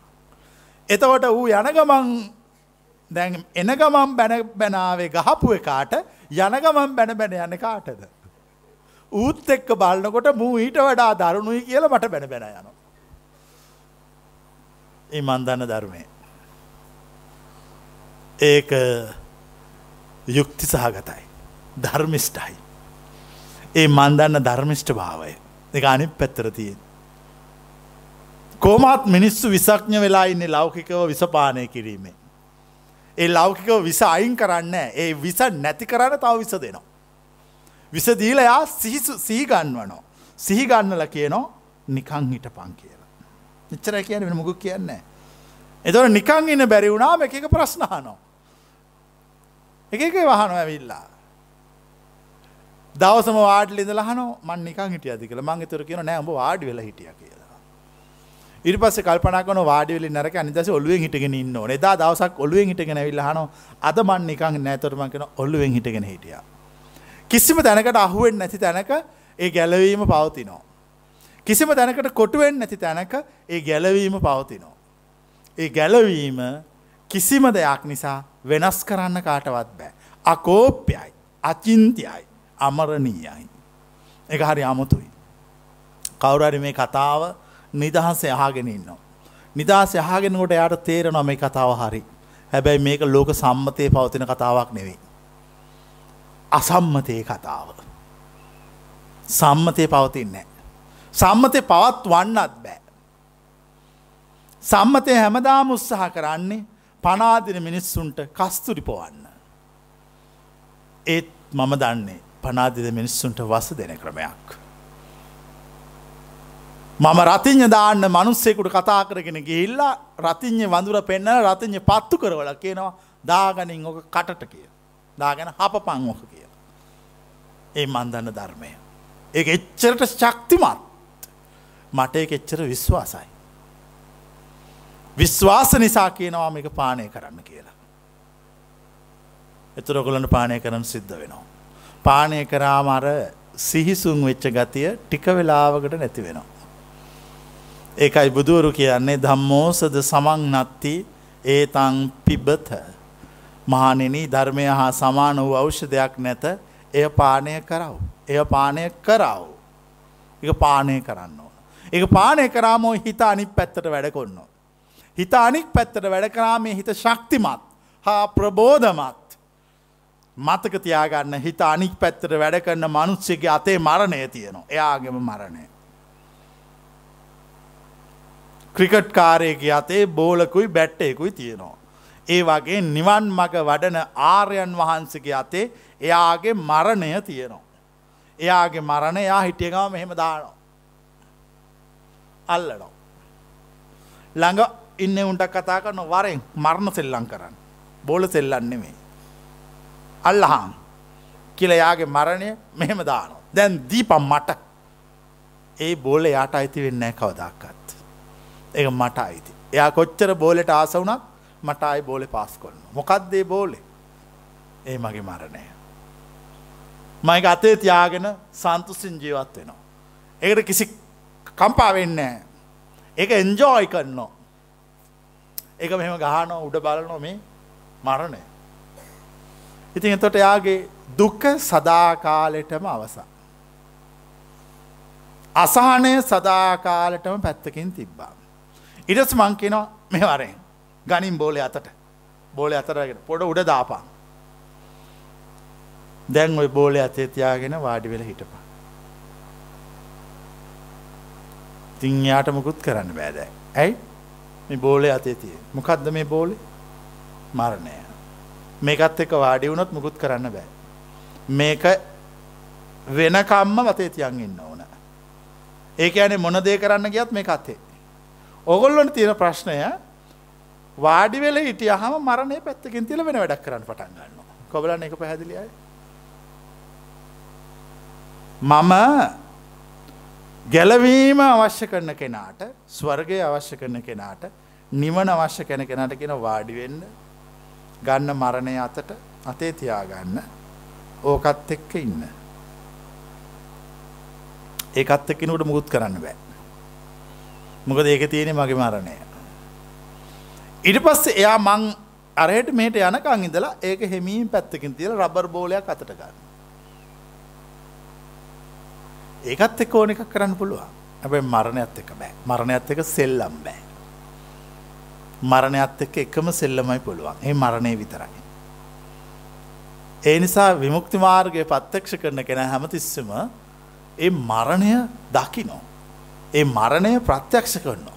එත ඕගොල්ල හිතාව අප අපි දැ මරණය දැක්ක මරණය පත්‍යක්ෂ කලා දැන් අපේ ජීවිතය නිකං කාලකන්නි වෙලා වගේද නෑ මේ මං වගේ වෙන. ජීවිතය නිකං සුන්දර වෙන්න පටන් ගන්නවා. නිකන් ලෝකයම නැති වුණා වගේ තේරෙනවා. නිකං අහසේ පාවෙන වගේ දැනෙනවා. ජීවිතය තියෙන සියලු ලෞකික සීමා ඉක්මවා යනවා. ආධ්‍යාත්මය සතුටෙන් පිරී යනෝ. කිසිම ප්‍රශ්නයක් නැති වෙනවා. ඉතින් ඒක තමයි මංහොයපු ජීවිතය. එතකොට මංහොයපු ජීවිතය තිවුණේ මගේ මොකල් ළඟද. මරණය ළඟ. ඒ තමයි පට්සෝතගාමි මාර්ගය. මංහොයපු ජීවිතය තිබුණේ මගේ මරණය ළඟ. අන්තිමට මට ජීවිතය හොයන කොතෙන්ට යන්න වනාද. මං අකමැති වෙච්ච මං ප්‍රතික්ෂේප කල්ල දාප කළඟට යන්න වන ඒ මගේ මරණය. එතන මගේ ජීවිතය තිබ්බා. එතකොට මං අකමැත්තෙන් වුණත් බඩ ගාගෙන හති දාගෙන මගේ මරණය හොයාගෙන හොයාගෙන ගිහිල්ල මං මගේ මරණය අතට ගන්නකොට මට ජීවිතය ලැබුණා. මට ජීවිතය ලැබුණා. ඒ ජීවිතය තුළ මට තේරුණ එකම රිද්මයක් ඇති බව එතනින් යහ කිසිවක් නැති බව සිද්ධ වෙන දේවල් සිද්ධ වෙනවා ඒ දේවල්වලට මං උදව් කරනවා ඒ දෙවල් කිසිවක් මම වලක්කන්නේ. ඒ මේ ලෝකේ යථාර්ථයයි. අපි දකින්න යථාර්ථය. ඔගොලොන්ට යථාර්ථය දකින්න බැරි නිසා ඔගොල තාම දඟලනවා. එක එක තැන්වල දංගලන එකැන මේ මේ සසර මහා ඉවරයක් නෑ. දැ බලන්න සාමානයෙන් අවුරුදු තිහක් අතලයක් ජීවත්තච මනුසේ කොච්චර විඳෝලාද ජීවිතේ? හැත්තෑව හැත්ත පහ වෙනකොට කොහොමද විඳවිල්ල? ලෙඩම ලයිස්තුවක් හැදිලා. ලියල වැලුවොත් කුඩා කාලිදං හැදිච්ච ලෙඩ මහා ලයිස්තුවක්. ඊළඟට ඔල්ලුවේ දං කකුල් දෙකට තියෙන අමාරු ලිව්වොත් එහෙම පොද්ගානක් ඕන ලියන්න සාමානෙන් අවුදු හතලිය පනා හැට හැත්තාව වෙනකොට පොද්ගානක ලියන්නේව තියෙන. අරයා මෙයා බැනපුවා. බැනුම් අහපුවා. නින්දා කරපුවා ලියොත් ලියන්න ගියොත් කඩදාසි කම්මලක් දාගන්න වෙනවා. දැන් මං මේ ඔක්කොටම තනි උත්තරයක් දෙනවා. මේ ඔක්කොම අතහැරල දාන්න කියන. අතෑරල දාලා ජීවිතය හොයන්න නැතුව මරණය සොයා පල්ලා.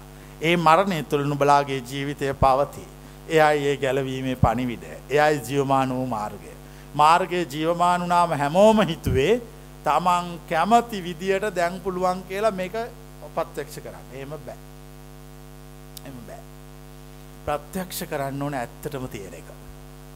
ප්‍රත්‍යක්ෂ කරන්න ඕන හරිදේ. හරිදේ අමාරුදේ. හරිදේ හැමෝම කැමති දේ නෙමේ හැමෝම අකමැතිදේ.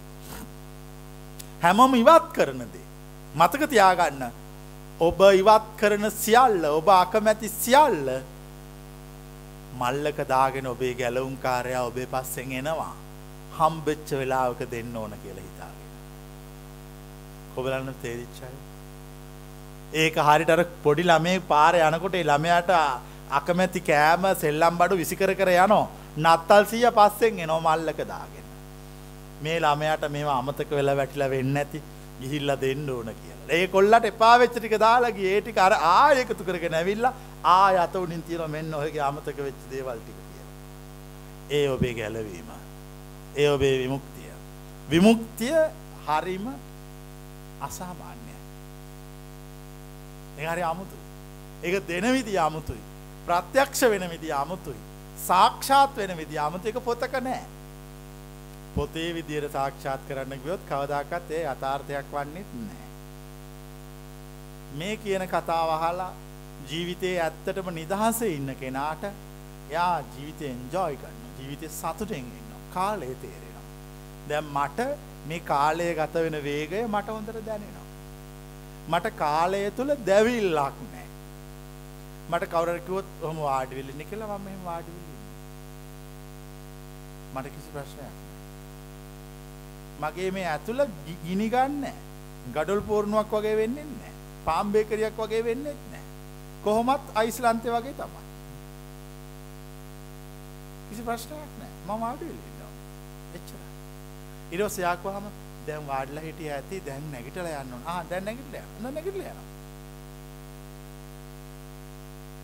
දෙකක් පහළ වෙන්න එක ඕගොල්ලන්ගේ හිතට කෙලවරක් නැතුව.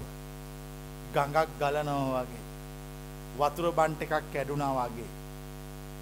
මේ ගංමතුරක් ආවා වගේ. මේ සිත මෙහෙම ගලන්ගෙන ඒ සිත ගලාගෙන හම තමන්ට තමාගේ සිත කන්ට්‍රෝල් කරගන්න පාලනය කරගන්න බෑ. එනිසා තමුන් විඩාවට අසහනයට හා මානසික අසරණ භාවයකට පත්වෙන ඔය අසරණ භාවය නිසා තමයි මෙසියලු ප්‍රශ්න. එතකොට අසරණ භාවය එක්ක අපි එකට දෙන තාව කාලික මුත්තරේ අනාගතයෙන් සතුට කොගලන එක තේරෙන හිත ආස්ත්‍රණ වෙච්ච මනුස්සෙක් කරන පළවෙනි දේ තමයි අනාගතයෙන් සතුට වෙන එක. තොට යම් මනුස්සෙක් අනාගතයෙන් සතුට වෙනවනම් ටක්ගාල තීරණය කරගන්න මෙයා ගොඩක් අසරණ මිනිහෙක්. මෙයාට මෙයාගේ හිතේ තියෙනව අතාර්ථයක් කරගන්න ආත්ම විශ්වාසය නෑ මෙයා මෙහෙම වේවි මෙහෙම කරනවා මෙහෙම හොඳයි එහෙම වේවි ඕ නෝම හිත හිතා සසට නමුත් එක කරන්න ගියාම එතන සතර පෙරණිමිති තියෙනවා. එතකොට ආය පස්සට ඒ දැම් මට තේරෙනවා මේ ලෞකික ජීවිතය තුළ විශාල අවුලක් තියෙනවා. මේ අවුල තේරෙන නැහැ අර විෂ එන්නත් කරගත්ත මිනිසාට. සාපයට හසුවෙච්ච මිනිසාට. සාපයට හසුවෙච්ච මිනිසා මේ විස එන්නත් කරගත්ත මිනිසා මේ අවුල නොදැක සිහිය එන්න නැතුව එකට බැහැලඉන්න. හොඳ බේබද්දු ටිකක් මඩ වලකට ගිහිල්ල දාලා සිින්දුවත් දැම්මොත් මොකක්ද කරන්න. මට කියන්න. උන් කරන්න වැඩි. උන් නටනවා නැටිල්ලක් ඔළුවේ ඉඳන් කකුල් දෙකටම මඩ ගෑවෙනකම්. මොකද උන්ට සී නැති කරලා තියෙන්නේ. මඩ පිළිබඳ අදහස් වෙන්නේ වෙරි හිඳිච්ච වෙලාවට. ඒ වගේ තමයි ඔයගොල්ලොත්.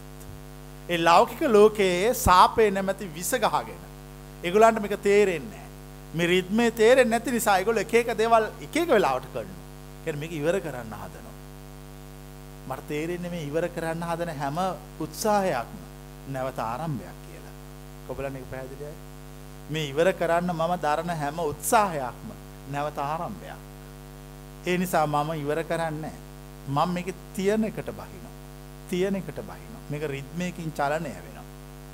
කාලයේ වේගයකින් ගමන් කරනවා. අවකාශය තුල රිද්මයක් පවතිනවා. මං ඒක තේරුම් අරගෙන ඒකට එකතු වෙලා මේක ඉවර කළා දානවා. එතකොට ඒකට එකතු වුණාම මම කියනවා මම ඉවරයි. එතකොට මම අහනවා කොහෙද ඔහෙ ඉන්නේ? මම මෙතන ඉන්නේ. කොතනද? ඇයි මෙතන? මං හැමතැනම ඉන්නවා. රිද්මයේ සිටිනවා. රිද්මයේ සිටින මිනිසයාට දර්ශනයක් විතරයි තියෙන්නේ පුද්ගලයෙක් නැහැ. රිද්මයේ සිටින මිනිසයා ජීවත් වන්නේ දර්ශනය වෙනුවෙන් පමණයි. පුද්ගලයෙක් වෙනුවෙන් නෙවෙයි. රිද්මයේ සිටින මිනිසයා ජීවත් වන්නේ තමුන්ට තේරිච්ච දේ වෙනුවෙන් විතරයි. ඔහුට ජීවත් වෙලා ගන්න දෙයක් නැහැ. ජීවත් වෙලා සාක්ෂාත් කරන්න දෙයක් නැහැ. ප්‍රත්‍යක්ෂ කරන්න දෙයක් නැහැ. ඔහු සියල්ල සාක්ෂාත් කළ අවසන්. ඔන්න ඔය විදිහට තමා මේ කතාව ඉවර කරන්නේ. ඉතින් දැන් අපිට තේරෙන ඕන කෙනෙකුට මේක කරන්න පුළුවන්. හැබැයි ඔක්කොම ටික දැන් පුළුවන් කියලා විභාග පාස් වෙලා ඔක්කොම ටික ආවහම පළවෙනි විභාග ප්‍රශ්න පත්‍රය දෙන්නේ වාඩි වෙලා ඉන්න කියලා. වාඩි වෙන්න බෑ. ඇයි මේක ඇතුළේ ගඩොල් පෝරණුවක් වගේ වෙනවා. මහා ගිනි කන්දක් වගේ වෙනවා. තාප බලාගාරයක් වගේ වෙනවා. දැන් අපට අවශ්‍යයි මේ ආධ්‍යාත්මය අයිස් කන්දක් කරන්න.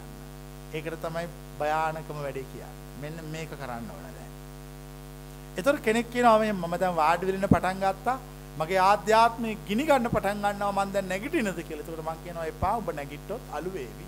ඕම හිටු කියලා. කෙනෙක්ගේ ආධ්‍යාත්මය ගිනි ගනිද්දී දැවිල්ල ඇති වෙද්දී ඔහු නොසෙල්වී සිටිනවා. ඒ කියන්නේ ඔහුගේ අදහස් තුළ සිටිනවා. ඔහු විමුක්තියට පත් වෙනවා. ඔහු ඒක සාක්ෂාත් කරනවා. සාමාන්‍ය අපි පුරුදු කරවල තියෙන අපිව අපට මානසික අසහනයක් මානසික පීඩනයක් ආවම ඉක්මනට ඒක චේන්ජ් කරවන්න. ඒ චේන්ජ් වෙන හැම තැනකම මායя සිටිනවා. අපිට ඒක තේරෙන්නේ නැති වුණාට. චේන්ජ් වීම නිසා තමයි මේ සසරේ මෙච්චර කල් ආවේ. චේන්ජ් නොවි හිටියන වෙනස් නොවි හිටියන ඒ සියල්ල බාරගත්තනම් ඒ දැවිල්ල ගිනිගැනීම බාරගත්තනම් එතනම ඉවර වෙනවා. මං කියනවා චේන්ජ් වෙන්න එපා. ඒක දරාගෙන නිශ්ශබ්ද වෙන්න. දරාගෙන නිශ්ශබ්ද වෙන්න. ජීවිතයේ සියල්ලට මුහුණ දෙන්න. ජීවිතයේ අත්දැකීම් කියන්නේ මිනිස්සෙකුට තමාගේ ජීවිතය තුළ එකතු කරන ධනය. මිනිස්සෙක් එකතු කරන ධනය තමයි අත්දැකීම්. කවුරු හරි තමුන්ට බනින එක තමුන්ට හොඳ කියන එක ඒ තමුන්ගේ ධනය. ඒ ධනය තමුන්ට උගන්වනවා. ඒ අත්දැකීම් තමාව පරිපූර්ණත්වයට ගෙන. ඒ අත්දැකීම් ඔබට මාර්ගය පෙන්වනවා. ඔබට යා යුතු මග කියන. ඒ යා යුතු මගේ යන්න. ගිහලා ජීවිතය අවබෝධ කරගන්න. කිසි දෙයකට කම්පා වෙන්න එපා. කිසි දෙයකට හෙල්ලෙන්න එපා. මතක තියාගන්න. ඔක්කොම සෙල්ලම් නවත්තලා මරණ එක සෙල්ලම් කරන්න පටන් ගන්න. ඒකට මේ ඇතුළ හයිය කරගන්න. ජීවිතේ කිසි දෙයක් ගණන් නොගෙන කිසි දෙයකට කම්පා නොවි යන්න ඕන තැනට යන්න. හැබැයි මතක තියාගන්න. මේ ලෝකේ මිනිස්සෙක් යන්න ඕන තැනට යනකොට ඒ මිනිස්යාව සෝවාදහම පරීක්ෂා කරන බව. අතරමඟ කොහේ හරි තැනක. හොඳට මතක තියාගන්න.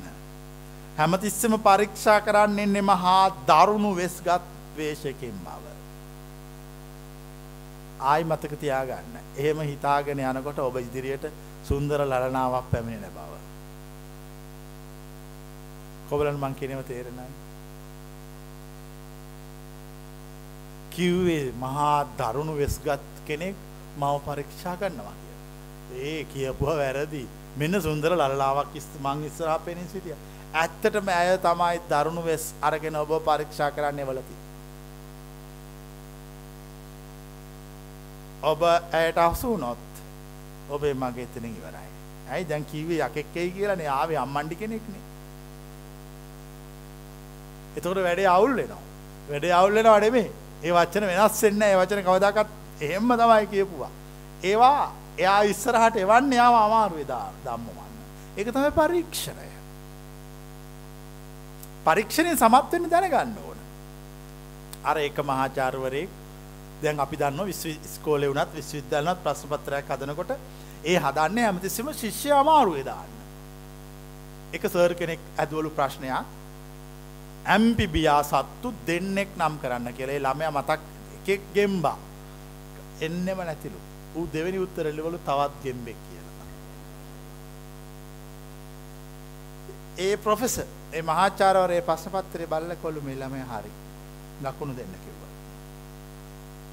බලන්න එයා කොච්චර දක්ෂද කියලා. ගෙම්බ ඩබල් කරපු හැටි. අන්න ඒ වගේ කට්ටිය මේ කියන පණිවිඩය අහලා මේකෙන් යනවා. ඉතින් මම ඔයගලන්ට කියන්නේ සාම්ප්‍රදායික ගෝත්‍රික දූපතක ඉන්න මෝඩයෙක් වෙන්න එපා. මහා ද්වීපික ජීවත් වන උතුම් මිනිසෙක් වෙන්න. ඒ උතුම් මිනිසෙක් ජීවිතේ අභියෝග සොයනවා. ජීවිතේ එක එක දේවල් සොයනවා. මොකද මරණය සොය සොයන යන්නේ. මැරෙන්න කලින් මරණය සොයලා ප්‍රශ්න ඉවර කර ගන්නවා. එතකොට මේ ප්‍රශ්න සියල්ල අවසන්. මේ ප්‍රශ්න ඉවර වුණාම නොනවත්වා හිනා වෙන්න පුළුවන් මම වගේ. ඒ හිනාවට සීමාවක් නැහැ. ඒ හිනාවට වෙලාවක් නැහැ. ඒ හිනාවට තැනකුත් නැහැ. මල ගෙදර ගිහිල්ලා මරණ එක්කත් hina වෙලා තමයි එන්නේ. ඉතින් අඬල වැඩක් නැහැනේ මරණෙත් එක්ක. සන්තෝෂය උපරිමයටම පවතිනවා. ආන්න එතෙන්ට මේ ආධ්‍යාත්මය හදාගන්න හැබැයි හදන එක ලේසි නෑ. ඒක හදන්න ගියාම නොයෙකුත් පරීක්ෂණ නොයෙකුත් විභාග සමත්වීම අසමත්වීම අමාරු ප්‍රශ්න ඒ සියල්ලට මුහුණ දෙන්න මට අවශ්‍යයි. ඒ සියල්ලට මුහුණ දීලා ඉවර වෙලා මට ජය ගන්න අවශ්‍යයි. එහෙම නැතුව මං කැමති නෑ හොරට විභාග පාස් වෙන්න. හොරට විභාග පාස් වෙන්න පුළුවන් රස්සාවේදී අවුල්. ඒ වගේ තමයි මේ කියන කතාව හරියට කරන්න ඕනේ. එම නොකළොත් එයාට ඒ ජීවිතය අවුලක් වෙනවා.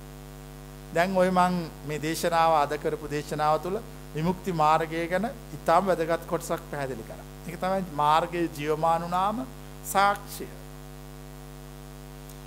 කෙනෙක් අහන්න පුළුවන් මාර්ගයේ ජීවමාන වුණාම සාක්ෂිය. දෙවිය ලෝකෙ දෙවියෝ මේ මහ පොළොවට බැහැලා මේ මාර්ගය අහනවාද? මං කියනවා නැහැ. පාරක කුණු අදින මිනිස්සු ට්‍රැක්ටරේ නවත්තගෙන අහගෙන ඉන්නවා. කොහොමද මං කියපු එක තේරිච්චායි? පාරක කුණු අදින මිනිස්සු ට්‍රැක්ටරේ නවත්තගෙන මේ කතාව අහගෙන ඉන්නවා. අහගෙන ඉඳලා කියනවා ඒක නම් අපිට තේරෙනවා හැබැයි කරගන්න බෑ. ඒතර මං උඹලුන්ට කියනවා උඹලා මේක කරන්න යන්න එපා. උඹලා මේක කරන්න ගියොත් අපේ වත්ත සුද්ධ කරගන්න එකෙක් නැති වෙනවා. උඹලා සදා කාලටම කුණු ඇදපල්ලා. උඹලට දීලා තියෙන නියමය එයයි. කොවලනේ කතාව තේරිච්චයි. ඒගොල්ලන්ට ඒක කරන්න අවසර නැහැ. ඒක කරන්න අවසර තියෙන්නේ සසර පාරමී පුරලා මේක වඩලා වඩලා වඩලා වැරදිලා වෙන කර කියා ගන්න දෙයක් නැතුව ඉන්න මිනිස්සු විතරක් ඒක අහලා මේකෙන් යනවා. අනිත් කට්ටිය තාමත් කුණු අදිනවා. ඒවා ඒගොල්ලෝ කරගෙන ඉන්නවා. ඒ නිසා අපි මෙතන කරන්න ඕන අහඹු මිනිසෙක් වෙන්න ඕන. හැමතිස්සෙම නිර්වාණ මාර්ගයේ අහඹු මිනිසුන් පරිපූර්ණ කරනවා. ඒ වචනේ ලියන්න පොතක් ඒ වචනෙට. අහඹු මිනිසා. අහඹු මිනිසෙක් ඒක පරිපූර්ණ කරනවා. අහඹු මිනිසා කියන්නේ මහා අමුතු ඒ වචනේ. ඒගොල්ලෝ තමයි ඒක කරන්නේ. ඒගොල්ලෝ තමයි ඒකට ආවේ. එහෙම නැති කාටවත් ඒක කරන්න බෑග වචන විතරයි. කරන එක අමාරුත් නෑ. පොඩි දෙයක් කරන්න කියන්නේ කරන්න ගිහිල්ලා වරද්ද ගන්න. කරන්න ගිහිල්ලා වරද්ද ගන්න එපා. මොකද කිව්වේ වාඩි වෙලා ඉන්න විතරයි. කරන්න මොකුත් කිව්වේ නෑ. වාඩි වෙලා මේ ඔක්කොම නවත්ත ගන්න කිව්වා. ඒතොර මේ ප්‍රශ්න ඉවරයි. ඒ නැවතුනාම අපට විශ්වය තේරෙනවා, රිද්මය තේරෙනවා. ඒක තමයි අපි සොයපු ධර්මය. ඒතොර අපි ඒක තුල අජරාමරයි. සදාකාලික. අපි මරණයට පත්වන්නේ නැහැ දැන්. ඇයි මරණයට පත්වන්නේ නැත්තේ? මරණයට පත් වෙන්නේ මම, රිද්මයෙන් එලිය හිටියොත්. කොබලන් දැන්න එක තේරෙනයි. මම මැරෙන් අකමැති නිසා මං රිද්මයට එකතු වුණා. දැන් මං ඉන්නේ රිද්මේ. දැන් මම මැරෙන්නේ මම සදාකාලිකයි. මම සොහොනේ වාඩි වෙලා ඉන්නවා. හැමතැනම ඇවිදිනවා. එතකොට කෙනෙක් අහනවා උඹ ඉපදෙන්නේ නැහැ කියලා කිව්ව නේද? ඔව් ඇත්තටම මං ඉපදෙන්නේ නැහැ. මම සදාකාලිකයි. අජරාමරයි. මං හැමතැනම සිටිනවා. ඒගොල්ලෝ මේ යන්නේ. ඒගොල්ලෝ මේ විශ්වයේ හැමතැනම ඉන්නවා. ඒගොල්ලෝ රිද්මයට එකතු වෙලා පුද්ගලයාගෙන් අයින් වෙලා. ඕගොල්ලෝ පුද්ගලයාගෙන් අයින් වෙන්න බයයි. ඒ නිසා ඔයගොල්ලන් රිද්මයට එකතු වෙන්න බැරුව කෑ ගහනවා. කෑ ගහලා මැරෙනවා. අපි රිද්මයට එකතු වෙලා පුද්ගලයාගෙන් අයින් වෙනවා. පුද්ගලයාගෙන් අයින් වුණාම හරිම නිදහස්. අයින් වෙච්ච කෙනෙක් විතරයි ඒක දන්නේ. ඇතුළේ ඉන්න කෙනෙක් නෙමෙයි. මරණය සුන්දර අත්දැකීමක් කියලා හැමෝම කියන්නේ මරණයෙන් පස්සේ. තප්පරයකට පස්සේ. එතකන් මරණයට හැමෝම බයයි. අපි ඒක වෙන්න කලින් එක දැනගන්න. ප්‍රත්‍යක්ෂ කරගන්න. අවබෝධ කරගන්න. සර් මට ප්‍රශ්න දෙකක් තියෙනවා. අද ඔබ වහන්සේ කිව්වා සිත මරණාසන්න මොහොතට තියෙන සිත, ඒ කියන්නේ සිතවිලි වලට ගන්න කියලා. මට දැනගන්න පුළුවන්ද මොකද අපිට අත්දැකීමක් නැහැ මරණාසන්න මොහොත ගැන. ඒ සිතවිලි මොන වගේද කියලා. ඉස්සෙල්ලම අපිට ජීවිතේ දැන් අපි ජීවිතේ එක එක අවස්ථාවල් පහු කරානේ. අවුරුද්ද දෙක තුන හතර පහ ඔහොම ඔහොම ඔහොම ගිහලා අපි ඉස්සරහට යනවා. එතකොට අපට අපට අදහසක් තියෙනවා අපේ සිත වෙනස් වුණා ඒ අවස්ථානුකූලව. දැන් ඒ අපේ සිත වෙනස් වුණේ හැමතිස්සෙම අපි වටේ තිබිච්ච සාපේක්ෂත් එක්ක. ඔබ මරණයට පත් වෙනකොට ඔබ වටේ තියෙන කිසිම සාපේක්ෂයකට ඔබට උදව් කරන්න බෑ. ඒ නිසා මේ සාපේක්ෂක අල්ලගෙන සිතුවිලි හැදුවට වැඩක් නැහැ. මං කියන එක පැහැදිලිය සම්පූර්ණ අසරණයි. ඒක තේරුම් ගන්න ඕන. ඒක දැන් අපිට අපි හිතනවා දැන් අපි මැරෙන්න ඇඳක හාන්සිලා ඉන්නවා. මේ කෝප්පේ වතුර තියෙනවා. දැන් මන් දන්නවා කෝප්පේ වතුර තියෙනවා කියලා මට බොන්න ඕන. ඒ වුණාට මට බොන්න බෑ. මං කියන එක පැහැදිලිද? එහෙමයි. ඇයි බොන්න බැරි? ශක්තිය නැහැ. ශක්තිය නැහැ. දෙන්න කෙනෙකුත් නැහැ දැන් මෙතන. දැන් ඒතර මම මේ වතුර පිළිබඳ අදහසෙන් ඉන්නවද මේ අදහස අත්හැරලා දානවද? මේ. අදහස අත්හැරලා දාන්න ඕනේ නැත්නම් මම පිපාසාවේ වේදනාව ඉඳලා මිය යනවා. ඇයි අදහස තියාගෙන ඉන්න වතුර තියෙන බව දන්න නිසා. මේ අදහස අත්හැරලා දාන්න. මිනිස්සුන්ට හිත ප්‍රැක්ටිස් කරේ නැති වුණාම ඒ කෑල්ල කරගන්න බැරි වෙනවා. මොකද ඒගොල්ලෝ පුරුදු වෙලා තියෙන්නේ අදහස තියාගෙන ඉන්න. මොකද ඒගොල්ලෝ හිතලා තියෙනවා මෙහෙම අරගෙන මට බොන්න පුළුවන් වෙයි කියලා කවදක හරි. එතනින් අවුල් වෙනවා. පැහැදිලිද? එහෙමයි. ඒ අදහස දැන් ඔබ වහන්සේ කිව්වේ ඒ අදහස කියලා නේ බැරි බව බැරි බව ප්‍රත්‍යක්ෂ වෙන්න ඕන. මට දැන් නැගිටින්නත් බෑ අත හොල්ලන්නත් බෑ මට වතුර බොන්නත් බෑ වතුර බොන්න කොච්චර කැමැත්ත තිබ්බත් මට බොන්න වෙන්නේ නැහැ. ඔව් දැන් ඒ පීඩාවනේ විඳින්න ඒ පීඩාව විඳින්න ඕන. ඔව් ඒක තමයි මම අහන්නේ. ඒ ඒ පීඩාව පීඩාව විඳින්න ඕන ඇත්තම ජීවිතේ විඳින්න කලින්. ඔව් එතන අපි දැනගන්න ඕන අපිට බොන්න බැහැ කියන එකත් ඒ පීඩාව උපරිමයෙන් විඳලා ඒ පරිමේ දැන් මේ අත මට උස්සන්න ඕන. ඒ වුණාට මේ අත දැන් වළංගු නෑ මට අත උස්සන්න බෑ. දැන් මං අ- වෙනද නම් මං පුරුදුලා තිබ්බේ හිතනකොට මත උස්සන්නනේ. දැන් එහෙම වෙන්නේ. ඒ නිසා දැන් මං අත උස්සන්න ඕන. අත ඉස්සෙන්නේ නැහැ. ඒ නිසා මං ඒක අත්හැරලා දානවා. දැන් මං හිතන හිත නිවිලා තියෙන්නේ. ඒ කියන්නේ සිතට කිසිම අවශ්‍යතාවයක් එන්නේ නැහැ. ඒක පැහැදිලිද? එහෙමයි. දැන් මිනිස්සු මැරෙනකොට වෙන්නේ අවශ්‍යතා පිරීලා මැරෙන්නේ. ඇයි? වතුර බොන්න ඕන අත උස්සන්න බෑ. මුං එක එකත් එන්නෙත් නැහැ. ඉල්ල ගන්න එකකුත් නැහැ. ඔය ඔක්කොම ටික ඇතුලේ වැඩ කරනවා. ඇයි යා පුරුදු වෙලා ඉන්නේ මේ ක්‍රමයට. දැන් ඒ පුරුදු වෙච්ච ක්‍රමෙ මෙතෙන්ට වළංගු නැහැ. මේක හාත්පසින් වෙනස් වෙච්ච මානසික ස්වභාවයක්. ඒක පැහැදිලිද? එහෙමයි. ඉතින් ඒක දකින්න. ඒක තේරුම් ගන්න. ඒ පීඩාව විඳින්න. ඒ පීඩාව එතෙන්දි විඳින්න එපා මෙතෙන්දි විඳින්න. දැන් විඳින්න. දැන් තමයි වෙලාව. දැන් තමයි මැරෙන වෙලාව. දැන් විඳලා ඉවර කරා. ඒතර ප්‍රශ්න ඉවරයි. නැත්තම් මහා දැවිල්ලකින් මිය යනවා. මිනිස්සු විශාල දැවිල්ලකින් මැරෙනවා. ඒ දැවිල්ලකින් මැරෙන්නේ එයාට මරණයට එයා පුරුදු වුණේ නැති නිසා. එයාගේ මරණයට එයා පුරුදුනේ නැහැ. මොකද එයාගේ කිසිම ඉස්කෝලකවත් ඊළඟට වෙන කිසිම තැනකවත් එයාට මැරෙන හැටි ඉගැන්නුවේ නැහැ. ඒක ඒක පැහැදිලි අතුස්සා. ඔන්න ඔතන අවුලක් තියෙනවා. අපි මැරෙන හැටි උගන්වනවා. අපි මැරෙන්න කියලා දෙනවා කිසි ප්‍රශ්නයක් නැතුව. ඒ මැරෙන්න කියලා දෙන විදිය තමයි ඔය කියන්නේ. මේ මේ පීඩාව අත්විඳින්න, මේ පීඩාව දකින්න, මේ පීඩාව ප්‍රත්‍යක්ෂ කරගන්න. ඒක දැන් දැන් හිතන්න දැන් නැගිටින්න බෑ දැන්. එනවට නැගිටින්න කැමති, ඇවිදින්න කැමති, එනවට බෑ. ඒක විඳගෙන ඒක තුල තෘප්තිමත් වෙන්න. ලෙඩ වෙලා නැද්ද? ලෙඩ වෙලා තියෙනවා. නම් ලෙඩ වුණාම දැන් නැගිටින්න පුළුවන්ද? බෑ. නැගිටින්න හිත කියනවද? හිත කියනවා. ඉතින් හිත කියනකොට දැවිල්ලක් එන්නේ නැද්ද බැරි නිසා? දැවිල්ලක් එනවා. ඒ අන්නේ දැවිල්ල නැතුව ඉන්න. ඒ පීඩාව ඉවසගෙන ඒ දැවිල්ල ඉඳලා නෑ. තියෙනවා. හිත කියනවා දැන් නැගිටින්න කියනවා. නැගිටින්න ඕන නැගිටින්න බෑ. එක්කෝ එපා කියලා තියෙනවා. නැගිට්ටොත් ලෙඩේ වැඩි වෙනවා. දැන් මට මම දැන් දැනගන්න ඕනේ නැගිටින්න ඕන කියන අදහස මේ ඇතුලේ තියාගෙන හිටියොත් ඇඳේ හාන්සි වෙලා කොච්චර හිටියත් මම විශාල මානසික අසහනයකින් ඉන්නේ. එතකොට මට මානසික අසහනය තියෙන්නේ ඇයි? මට නැගිටින්න ඕනේ කියලා හිතිලා තියෙනවා. පැහැදිලිනේ? එතකොට මේ මානසික අසහනය හදාගත්තේ කවුද? මම්මයි හදාගෙන තියෙන්නේ. මං ඕනේ නැති එකක් හිතලා ඒක දාගෙන ඒකට අහු වෙලා ඉර වෙලා විඳවනෝ විඳවනෝ. දැන් මං මෝඩයි. මම මට කරන්න බැරි දෙයක් කරන්න පුළුවන් කියලා හිතාගෙන ඉන්නවා. මං දැන් මේක බැරි බව තේරුම් ගන්නවා. නැගිටින්න බැරි බව තේරුම් ගන්නවා. නැගිටින්න බැරි බව තේරෙනකොට මගේ හිත නිවිලා යනවා. දැන් පැහැදිලි? එහෙමයි. දැන් එතකොට මරණය ඉස්සරහා හිත නිවිලා තියෙන්න ඕන. ඒ වුණාට මට පේන්නේ මිනිස්සු මරණ ඉස්සරහා නිවෙන්නේ නැහැ මරණ ඉස්සරහා ගිනි ගන්නවා. මරණ ඉස්සරහා මහා ගොඩවල් හදාගන්න. මම මරණ ඉස්සරහා නිවිලා ඉන්නවා. දැන් ඔය ඔය කියන කතා ඕගොල්ලන්ට කියන්න කලින් මම ප්‍ර- ආ, ප්‍රායෝගිකව අත්විඳලා ඉවර වෙලා කියන්නේ. ප්‍රායෝගිකව අත්විඳලා ඉවර වෙලා. දැන් අර පහුගිය දවසක ඩෙන්ගු හැදිලා හිටියානේ.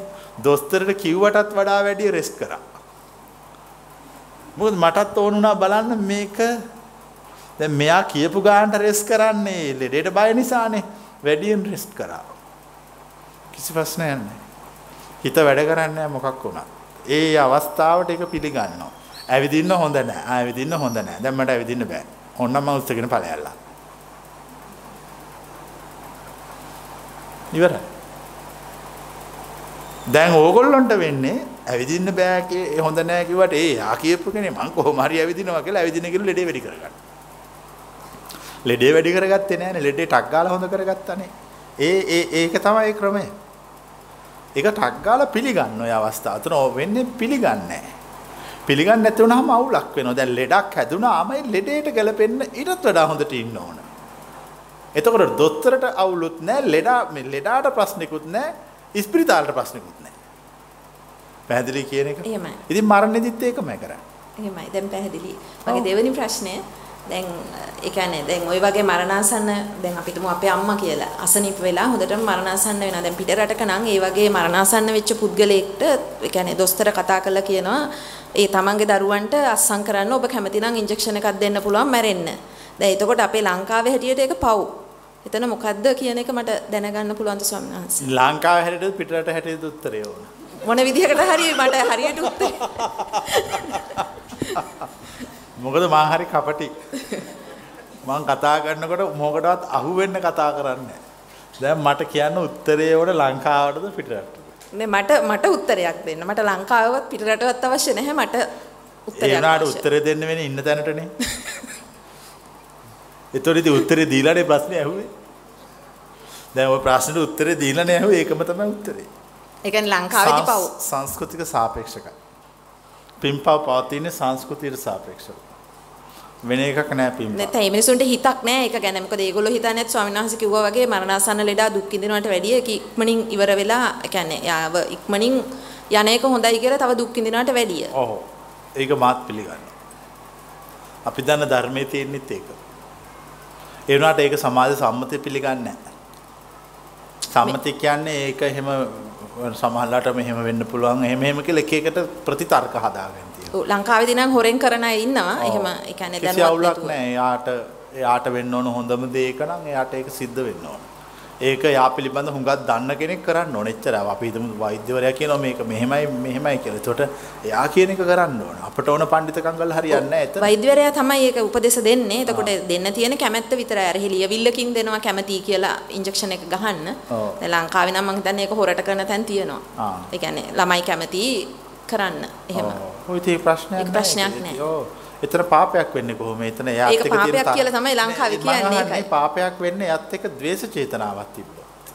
දැන් එයාගේ දේපල අයිති කරගන්න එයාට ඉන්ජෙක්ෂන් එක ගහපන් කියනවා. ආ එහෙම වුණා නම් වැරදි. එහෙම වුණා නම් වැරදි. පැහැදිලිනේ? එහෙමයි. නමුත් එයා කෙරෙහි අනුකම්පාවෙන්. එයා මැරෙනව කොහොමද? දැන් හෙට මැරෙනව අනිද්දා මැරෙනව ඉවරයි දැන්. එතකොට එයාගේ දැන් අර මේව ටික ගලපුවා එමිනේ ඉවරයි. ඉතින් ඕක තියාගෙන විඳවන්න ඕනේ. ගලවලා දාහලුවා. ඒක ඒ වෙලා ඒ අවස්ථානුකූල වෙන්න ඕන. අපි අර ඕනවට වඩා මේ සංස්කෘතියට දදා මේව බලන්න ගියොත් අපට අවුලක් පේනවා බොහෝ වැඩවල.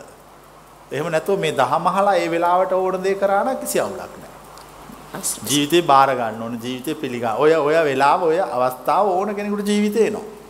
මම නම් කියන්නේ ඒක එන්න කලින් අත්විඳින්න කියලා. එතකොට අපිට අපිව වරදින්නේ මිනිස්සුන්ට වෙන ප්‍රධාන ප්‍රශ්නේ Tamanට තමන්ව වරදින Tamanට තමව කන්ට්‍රෝල් නැති වෙනවා.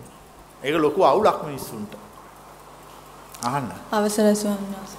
ඔබ වහන්සේ දේශනා කරා මේ අර වාඩි වෙලා එක තැන ඉන්නකොට කාලයේ වේගය දැනෙනවා කියලා. ඔව්. එතකොට අර ඒ මොහොතේ ජීවත් වෙනවා කියන එකනේ ඒ කියන්නේ අර අනාගතයට යනවත් අතීතයට යනවත් නෙමෙයි වර්තමානයේ මොහොතේ එතන ඉන්නවා කියන එකනේ. එතකොට ඒකට ඇලීමක් ඇති වෙනවා නේ. කියන්නේ ඊට පස්සේ ටික කාලයක් ඒක කරන් යනකොට ඒකම කරන්න හිතනවා. එහෙනම් මම ඉතින් ඒක තමයි සසර. ඒක තමයි සසර. මොක කරන්න ගියත් ඒකට ඇලෙනවා. මොන දේ කරන්න ගියත් ඇලෙනවා. ඉතින් ඒක තමයි සසර. එතකොට මොකටද ඇලෙන්නේ? එතකොට දැන් අර වාඩි වෙලා ඉන්න එක උනත් ඕන තරම් වෙලාවක් කරන්න පුළුවන්. ආ දැන් එතකොට දැන් සිතුවිලි යනවා කියලා තේරෙන්නේ නැහැ. ඔහෙ ඉන්නවා ඒ උනාට දැන් පස්සේ වෙන වැඩ කරනකොට දැන් කරන්න ඕන දැන් එයා කියනවනේ එයාගේ සිත ඒකට ඇලෙනවා කියලා. දැන් කරන්න ඕන ඇලෙන්නේ නැති එකක් කරන්න. ඇවිද ඇවිද ඉන්න. ඒතර සිත ඇලෙන්නේ නැහනේ. ඒ ඇලෙන්නේ නැති එකට සිත මැදහත් වෙලා තියෙන්න ඕන. ඇලෙන එකටත් සිත මැදහත් වෙන්න ඕන. දෙකේදීම වඩන්න ඕන. මගේ එක පැත්තකට වඩලා හරියන්නේ. එක පැත්තකට වැඩුවොත් වැරදි. මජ්ක්‍ධිම පටිපදා අන්තිකට යනවා කියලා. තේරෙනවා. මොකද. මේ දැන් පුතා හැම ඇවිල්ලා මට දැන් ඒ වෙලාවට කරදර කරනකොට මට එයාත් එක්ක නොරුස්සුමක් ඇති වෙනවා. අන්න ඒක වැරදි. ඒතර යත් එක සෙල්ලම්. මේ මනස එච්චර නිවිලා තියෙන්න ඕන. අපිට මේ මහා ඔළුව ගෙනිගත්ත වෙලාවක ඒ ළමයා අපිට කියනවා නම් සෙල්ලම් කරමු කියලා අපිට පුළුවන් වෙනවා ඔක්කොම ප්‍රශ්න ටික පැත්තකට තියලා හරි ඉස්සෙල්ලා අපිවත් එක සෙල්ලම් කරලා ඉන්නම්කෝ කියලා හිස ගෙනිගත්ත වෙලාවට සෙල්ලම් කරන්න. ඒක බෑනේ. ඈ බෑ. ඒක තමයි අවුල. කියන්නේ මේ මහා ලොකු ප්‍රශ්නයක්. ඒ ප්‍රශ්න ටික ඔක්කොම පැත්තකට තියලා අර ළමයාත් එක්ක සෙල්ලම් කර කර ඉන්නවා. ඊට කොච්චර ප්‍රශ්න තිබ්බත් කලබල වුණාට උත්තර හම්බ වෙන්නේ නැහැ. ඊට වඩා හොඳයි ප්‍රශ්න පැත්තකට දාලා ළමත් එක්ක සෙල්ලම් කරන එක. ඔය දැන් මට මගේ හිතේ ස්වභාවයවත් පේන්නේ නැතුව ගියා ඊට පස්සේ. ඊට පස්සේ මේ දැන් අන්තිමට ડિප්‍රෙෂන් වගේ වුණා නිකන් අර කියන්නේ හස්බන්ඩ් එක කතා කරන්න ඕනේ නැහැ යාව ඉග්නෝ කරලා ඉන්නවා අර ඒ වගේ දැන් එයාත් එක ගැටෙනවා හැමතිස්සෙම එහෙම වුණා ඊට පස්සේ ගිහලා ડોක්ටර් කෙනෙක් හම්බෙලා බෙහෙතුත් ගත්තා ආ. මේ ඊට පස්සේ මට තේරුණා මේක මේ තනිකරම මගේ ප්‍රශ්නයක් මේ දැන් මිනිස්සු එක එක ප්‍රශ්න හදා ගන්නවා. ඒ ප්‍රශ්න හදලා ඊට පස්සේ ඉස්සෙල්ල ප්‍රශ්නේ හදා ගන්නවා. ඊට පස්සේ දොස්තර හම්බෙලා බෙහෙත් අරගන්න. තියෙන පිස්සුවක්. කියන්නේ එයාම ඒක කරගත්තේ. ඒ කියන්නේ ડોක්ටර් ගාවට යනකම් දැන් මගේ පිටේ ගැක්කුමක් ආවේ. මට ඒ කියන්නේ ડિප්‍රෙෂන් කියන එක මට තේරුන්නේ නැහැ. ડોක්ටර් ගාවට ගිහම ડોක්ටර් තමයි කිව්වේ ඕක එන්නේ මේකට කියලා. එතකොට තමයි මට තේරුනේ මට මේ එකයි වෙලා තියෙන්නේ කියලා. අර ඒ කියන්නේ මං අර බැඳිලා හිටපු එකත් එක්ක අරගොල්ලෝ ඇවිල්ලා මට කරදර ගාදී මට මේ බැඳීම හරි වදයක් වුණා. කියන්නේ මේ පෞල් ජීවිතයේ ඇතුළේ ඉන්න එක හරි වදයක්. ඊට පස්සේ මේ මං හිතුවා මේගොල්ලෝ මං අතහැරලා යනවා හැබැයි මං අතරින් අතරින් පාට ඒගොල්ලෝ ඊට වඩා මාව අල්ල ගන්නවා. එතකොට මට ඒගොල්ලන්ව නුරුස්සුමක් ඇති වුණා. ඒ අතාරින් අතාරින් ඒගොල්ලෝ ඔයාව අල්ල ගන්නකොට ඔයා ඇත්තට ඒගොල්ලොත් එකතු වෙන්න ඕන. පැහැදිලි කියන එක. ඒතකොට නොරිස්සුමක් ඒ මග වඩනකොට නොරිස්සුම් ගතිය ඇති වෙන්න බෑ. නොරිස්සුම් ගතිය ඇති වුණොත් ඒ මග වරද්දගෙන තියෙනවා. ඒක ඒව නැහැ. ජීවිතේ වෙන හැම එකක්ම මං හිතපු එකක්. මට අයිති එකක්. මට අයිති නැති කිසිවක් මෙහෙ නැහැ. මේ විශ්වයේ තියෙන ඔක්කොම මට අයිති. ඒ නිසා මේ විශ්වයේ තියෙන ඔක්කොම දේවල් වලට මං එකම විදියට ගෞරව කරනවා. තේරෙනවද? මගේ උපතට හා මගේ මරණයට. දෙකටම සමානව ගෞරව කරනවා. දෙක විශේෂතාවයක් සිතුවිල්ලකින්වත් දක්වන්නේ නැහැ. ඒ දැක්කොත් මගේ ප්‍රතිපත්ති ව්‍යාජයි. මම බොරුකාරයෙක්. අවංක නැහැ, අව්‍යාජ නැහැ. අවංක අව්‍යාජ කෙනාට ප්‍රතිපත්ති දෙකක් නැහැ, එකයි තියෙන්නේ. ඕව මතක් වුණේ වෙලාව. ඒවත් එහෙම කියන්නේ දැන් වහන්සේගේ දේශනාවත් අහනවා. දැන් කියන ඒවාත් මට තේරෙනවා. දැන් මට මොකක් හරි වෙලා කියලාත් මට තේරෙනවා. ඒ වුණාට දැන් අනිත් කාත් එක්කවත් ගැටෙන්නේ හස්බන්ඩ් එක මාර විදියට මාස දෙකක් තිස්සේ ඒ කියන්නේ ආ කියන කියන එකට මම මොනවා හරි කියලා ඒ වගේ අර නිකන් තේරුමක් නැති කතා බහවල් ඇති වෙලා එහෙමම වුණා. පස්සේ මට තේරුණා මේක මගේම ප්‍රශ්නයක් කියලා. මම මේක නෝමල් කරගත්තා. වුණාට දැන් දැන් එතකොට මේ මහත්ය මොකක්ද ඔකට කරේ? එයා කොහොමද හිටියේ? ඔහොම ඔය පැටලි පැටලි එනකොට එයා කිව්වා යකෙක් වෙයිලා කියලා. යකෙක් වෙලෙක ඉතින් මං අහන්නේ මේ මිනිහා තමයි බණ අහලා තියෙන බලන් යනකොට. ඈ? යකෙක් වෙයිලා කියලා හිත හදාගෙන සද්ද නැතුව හිටියා.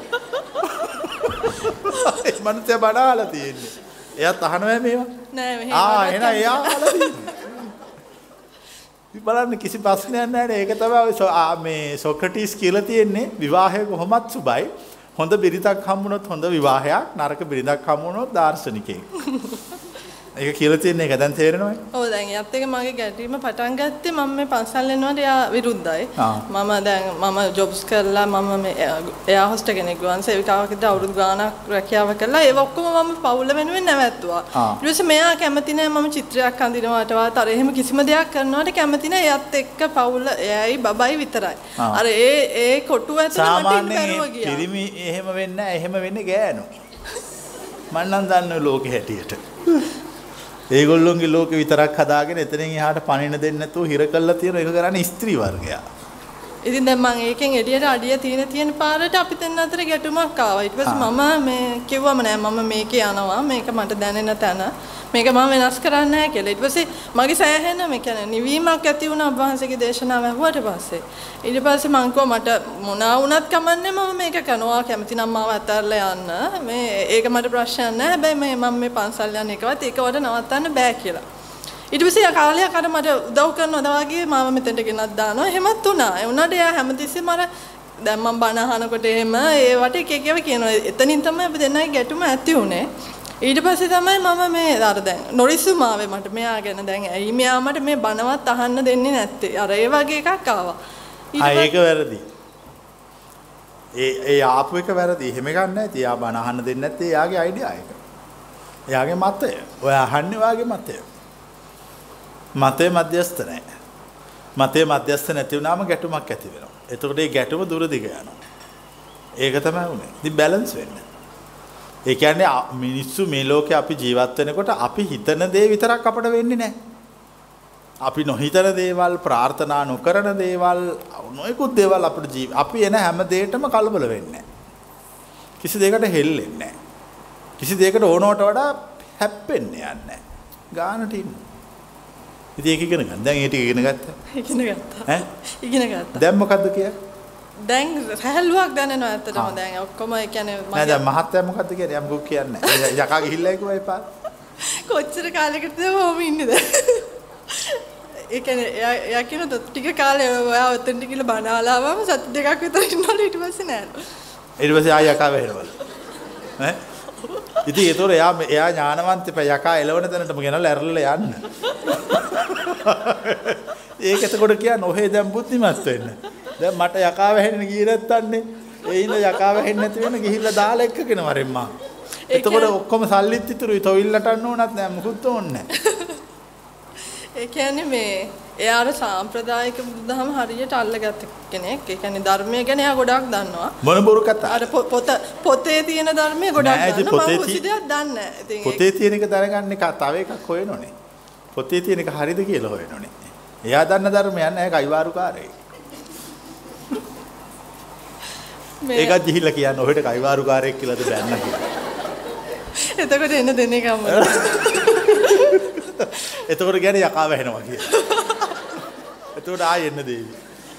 අනිත් එක ස්වාමීන්. වහන්සේ දැන් මරණය ගැන කිව්වනේ අවුරුදු 70 අත්දැකීම අවුරුදු 35 දී දැන් මට දැන් අවුරුදු 30යි. දැන් මට මරණය කියන එක සපක් කියලා දැනෙනවා. ඒ කියන්නේ මම එතකොට මට තේරෙන දේ තමයි මම අර ශනික මරණය කියන එක තමයි මගේ ඔළුවට දාගෙන තියෙන්නේ. ඒක මට සපක් කියලා. එන දැන් ඔබ වහන්සේ දැන් ශනික මරණය හැමතිස්සෙම වෙනවා. මම කිව්වේ සම්මුති මරණය ගැන. ශනික මරණයෙන් ඇලවෙන ශනික මරණය තමයි විශ්ව රිද්මය. දැන් මේ ෆෑන් එක කරකැවෙන්නේ අපේ ශනික මරණය වන වේගයට. මේ අපේ බොඩි එක වෙනස් වෙන වේගයට තමයි මේක කරකැ මේ දෙකම එකයි. මම කිව්වේ මිනිහෙක් ම- සම්මුති මරණය ගැන. මරණය කියන මානසික අත්දැකීම් ගොඩ. ස්ටෙප් බයි ස්ටෙප් ඕ මානසික අත්දැකීම් සමුදාය. ඔය දේශනා විග්‍රහ වෙන්නේ මරණය යන මානසික අත්දැකීම් සමුදාය. මිනිහෙක් මරණයේදී විශාල මානසික අත්දැකීම් සමුදායකට පත් වෙනවා. ඒකේ මැරිච්ච අය නැගිට්ටවල කතා කළොත් ඒ ඔක්කොම කියනවා. ඒක නැගිටින්න බැරි නිසා තමයි අපිට බලා ගන්න වෙන්නේ, තේරුම් ගන්න වෙන්නේ. ලොකු මානසික වෙනසකට ලක් වෙනවා ඒගොල්ලෝ.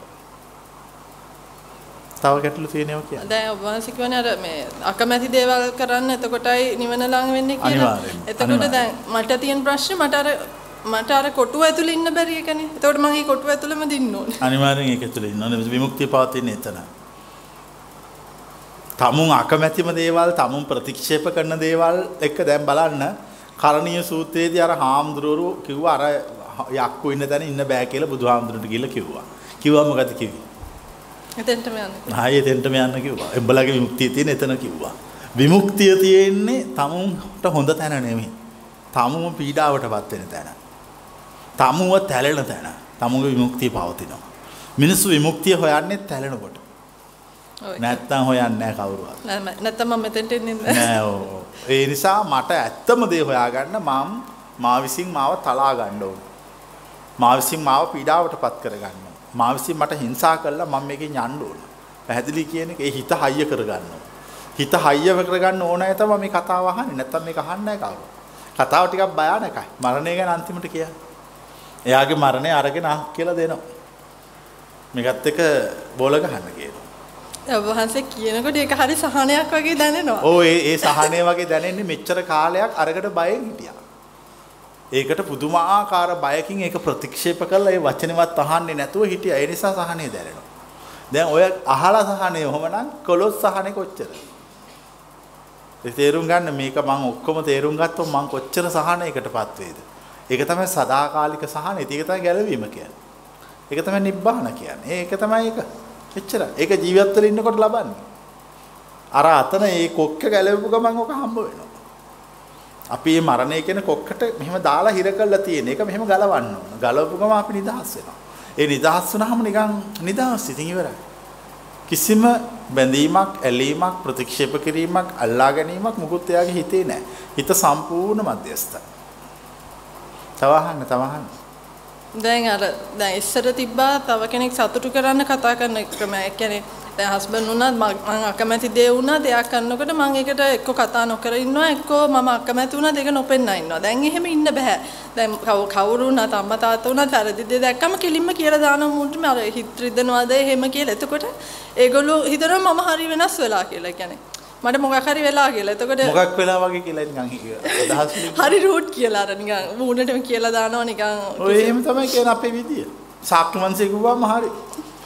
ශාක්‍ය වංශේ රජවරු ඒ රාජකුමාරිකාව එහෙම ඒගොල්ලෝ කෙලින් කතා කරන මූණටමයි කියන්නේ ඕන එක. මොකක්වත් හංගගෙන ඉන්නේ නැහැ. ඔය සූත්‍ර කියවලා බලන්න ඔක්කොම මූණට කියපුවා තියෙන්නේ. ඒක තමයි විදිය.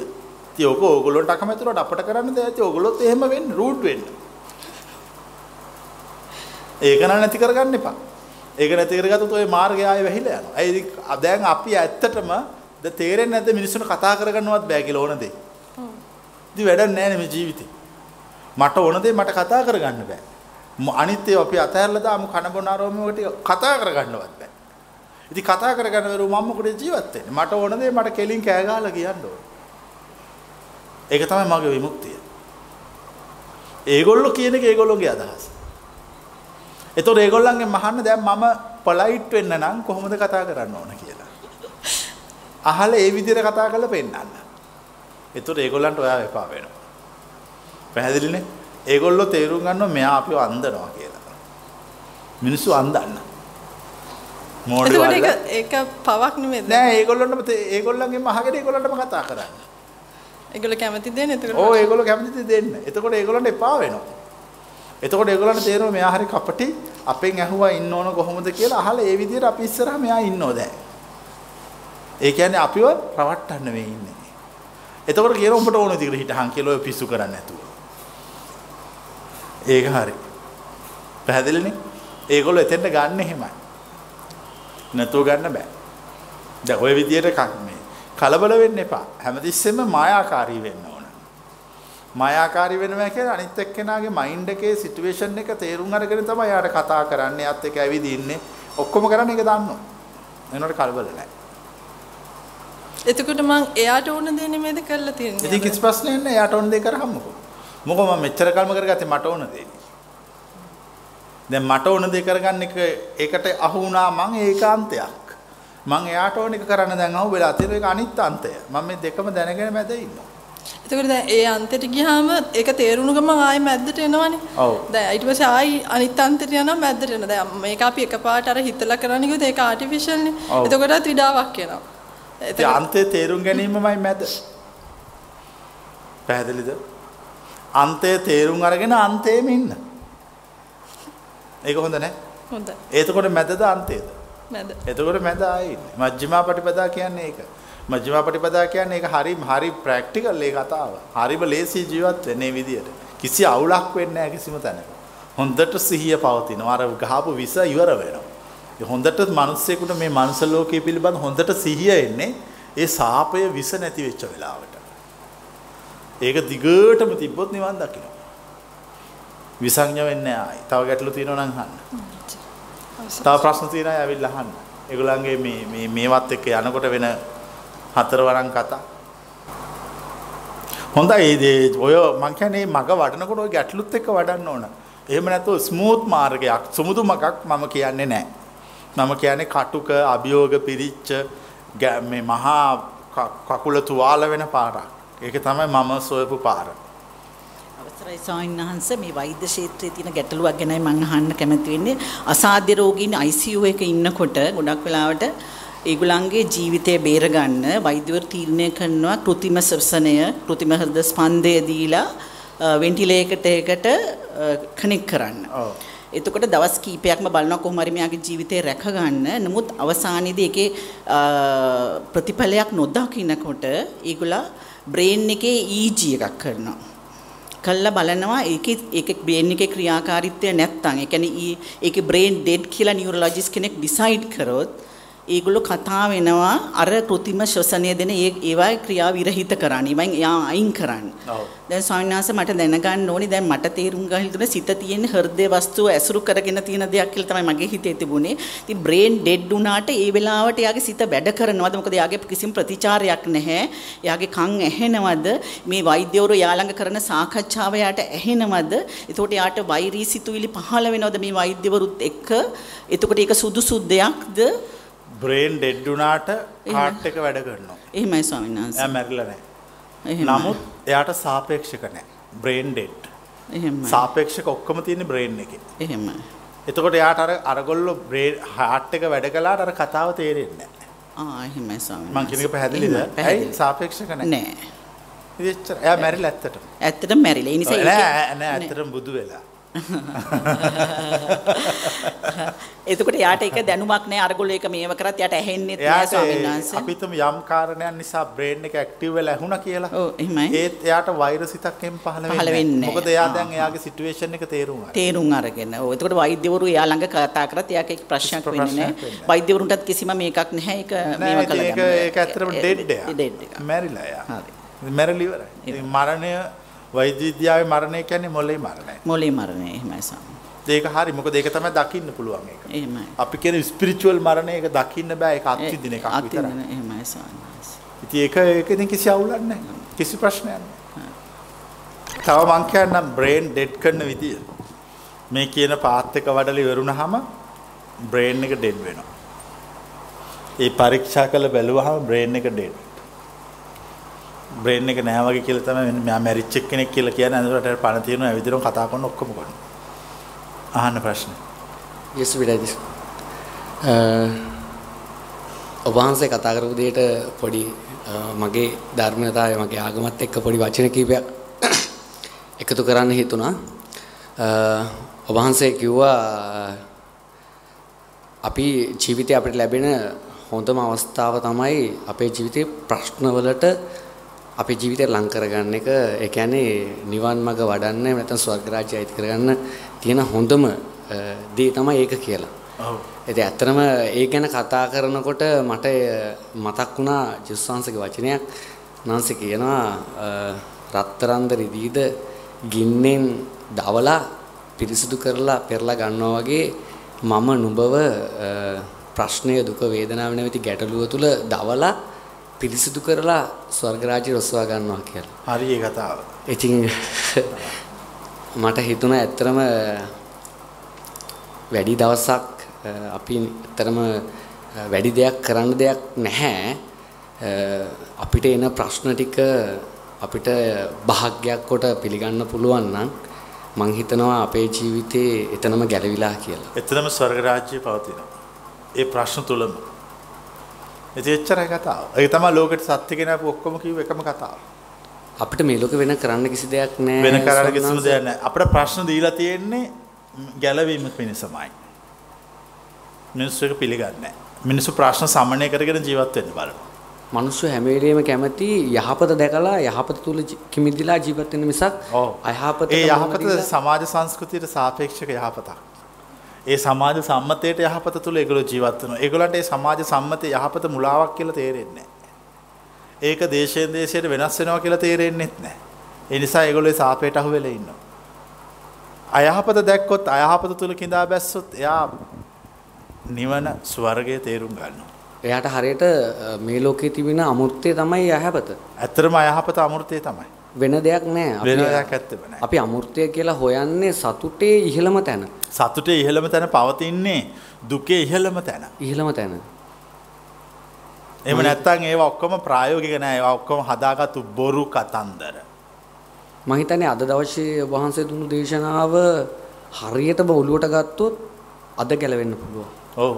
ඇත්තටම ඇත්තටම දේශනාවේ හරියටම දුන්නේ ඔයාගේ කුරුසේ ඔයාගේ කරෙන් තිබ්බා. ප්‍රසලෝත්. පැහැදිලිද? පැහැදිලි. එච්චරයි කරේ. ඊට වඩා මට මුකුත් කරන්න බෑ. ගෙනිනව නම් ඔබ අරගෙන ඵලයක් නැත්නම් ඔබ දාලා අප්පුටි ගහ ගහ දුවහා. ඔබ වහන්සේට කෙනෙක්ව ගමනකට ඇතුළු කරනව ඇරෙන්න අරගෙන යන්න බෑනේ. මම ගෙනියන්නේ නැහැ කවුරුවත්. මම ඇතුළු කරන්නේත් නැහැ. මම පෙක් කියනවා විතරයි. ඔව් මාර්ගය කියලා දෙනවා විතරයි. මාර්ගය පෙන්නනවා විතරයි. පෙන්නනවා විතරයි. ඒ කියන්නේ හරියට අස්සයව අරගෙන ගිහිල්ලා වතුර තියෙන තරකින් තියනවා. උඹට ඕනම් බොන්න පුළුවන්. නැත්නම් නිකන් ඉන්න පුළුවන්. ඒ වතුර කියලා මං කියන්නෙත් නැහැ. ඒතොර එයාට බොන්න අදහසක් සංස්කෘතියට සාපේක්ෂව ඇති වෙනවා. එයාට සසර ඉවතිය නම් එයා වතුර කියලා දැනගෙන එකපාරටම බීගෙන බීගෙන යනවා. අන්න ඒ වගේ කට්ටිය තමයි මම තෝරන්නේ. වහන්සේ අර කිව්වා නේද මුලින්ම පටන් ගැනීමේදී අර කාමරයක් අස්පස් කරලා නැති මිනිස්සෙක්ගේ කාමරය අපි පිරිසුදු කරන්න හදනකොට එයා කැමති නෑ කියලා. මට එතනදී පොඩි දෙයක් හිතුණා ස්වාමීන් වහන්සේ. දැන් ඇත්තටම සමහර මිනිස්සු ඉන්නවා එයාගේ කාමරය අස් කරනකොට එයා කැමති නෑ. ඒකට හේතුව සමහර වෙලාවට ඒ කාමරේ තියෙන හැම දෙයක්ම එයාට වටින දෙයක්. සමහර එයා මනස තුල එයා කාමරේ තියන් ඉන්නවා. ඒ කියන්නේ එයාගේ ලෞකික කාමරය ගැන නෙමෙයි මම කතා කරේ. ඔව්. දැන් අපි කිමුකෝ දැන් කෙනෙක් අපි අපි ජීවිතේ ගමන යනකොට අපිට ලැබෙන දේනේ අපේ ජීවිතේ අපේ ගමන තීරණය වෙන්නේ. ඔව්. ලැබෙන දේ නෙමෙයි අයිති දේ. අයිති දේ. අයිති දේ තමයි අපට ලැබෙන දේ. අපට අයිති දෙයක් තියෙනවා. ඔව්. ඒ දේ තමයි අපට ලැබෙන දේ. එච්චරයි. සමහරට දැන් අපිරිසිදුයි කියලා පිට කෙනෙක්ට තේරෙන්නේ පිට කෙනා දැන් ඇතුලේ ඉන්න කෙනාට ඒක පිරිසිදුයි. ඔව්. පිට කෙනා බලන කෙනාට ඒක අපිරිසිදුයි. ඔව්. එතකොට ඒ අපිරිසිදුයි කියලා තේරෙන්නේ ඔහු අපිරිසිදු නිසාද? සාපේක්ෂව අපිරිසිදු නිසා. ඔව්. ඔහු ඒ බලන කෙනා අපිරිසිදු නිසා තමයි අරය අපිරිසිදුයි කියලා පේන්නේ. ඔව්. ඇත්තරම බලන කෙනා දැන් අපට යා අපිරිසිදුයි කියලා කියනවා. ඒ වුණාට අපි පිරිසිදුයි කියලා අපි දන්නවා. ඒ වුණාට අපි යාගේ වචනේ පිළිගන්නවා. එයා අපට අපිරිසිදුයි කියලා කිව්වා අපි යාගේ වචනේ පිළිගන්නවා. පිරිසිදු වීම පිණිස අපිට යමක් එයා උපදෙසක් දුන්නොත් අපි ඒකත් පිළිගන්නවා. ඒකට අපිට යමක් කරන්න පුළුවන් නම් අපි ඒකත් කරනවා. පැහැදිලිනේ? මොකද පිරිසිදු වෙච්ච මට ආය අපිරිසිදු වෙන්න උවමනාවකුත් නැහැ ආය පිරිසිදු වෙන්න උවමනාවකුත් නැහැ. ඒක කළත් එකයි නොකළත් එකයි කොහොමත් නිහතමානී මට ඕන කෙනෙක් කියන එක කරන්න බැරි කමකුත් නැහැ. අර අවසාන රාත්‍රී භෝජනයේදී කකුල් සේදුවා ශ්‍රාවකයන් කියන්න ඉතුරු ටික. ඔබ වහන්සේගෙන් පුංචි ප්‍රශ්න කරන අවසාන ප්‍රශ්නේ.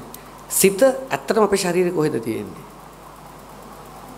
ඇත්තටම ඔයා කතා කරන වෙලාවේ තිවිච්ච තැන. පැහැදිලි නෑ වැටහුන්නේ මට. වැටහුන්නේ නෑ කියලා දැන් කිව්වනේ. එතකොට තිවිච්ච තැන. මම ඒක උත්සාහ කරන්නම් තේරුම් ගන්න. ඒ උත්සාහ කරන්නම් තේරුම් ගන්නම් කිව්වනේ. ඒ එතකොට තීච තැන. සිත කිසි කෙනෙකුට මෙතන තිය කියලා පෙන්වන්න බෑ.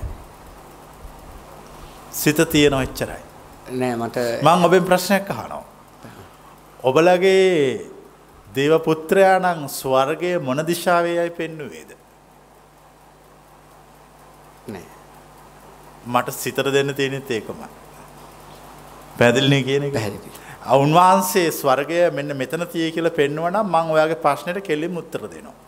ඒ උත්තරේ දීලා නැති නිසා මට දැන් අද උත්තර දෙන්නත් බෑ. දැන් කාගේද වැරද්ද? උන්වහන්සේගේ.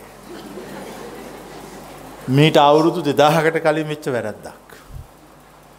දැන් පැහැදිලිද? පැහැදිලි. මොකද ස්වර්ග රාජ්‍යයේ තැන පෙන්නලා නැහැ. ස්වර්ග රාජ්‍යයේ තැන පෙන්නලා නැතුව මෙයා මගෙන් සිත තියෙන තැන අහනවා. ඒතර මම අහනවා ස්වර්ග රාජ්‍ය යම් තැනක පවතීද? සිත එතන පවතී. ඒතර ඊට පස්සේ අහනවා උන්වහන්සේ කොතනද ඒක තියෙයි කියලා තියෙන්නේ. ඒතර කියනවා ඒක කියලා නැහැ. ආ එහෙනම් සිත දන්නේ නැහැ. අපි කොතනක හරි මොකක් හෝ භෞතික සාපේක්ෂ කා- කාරණයකට සා- සාපේක්ෂ කරලා කතා කළොත් ඒ ඔක්කොම මිත්‍යා විශ්වාස. මිත්‍යා දෘෂ්ටියවා. ඒවා අපි හිතපුවා විතරයි. ඇත්තම තියෙනව නෙමෙයි.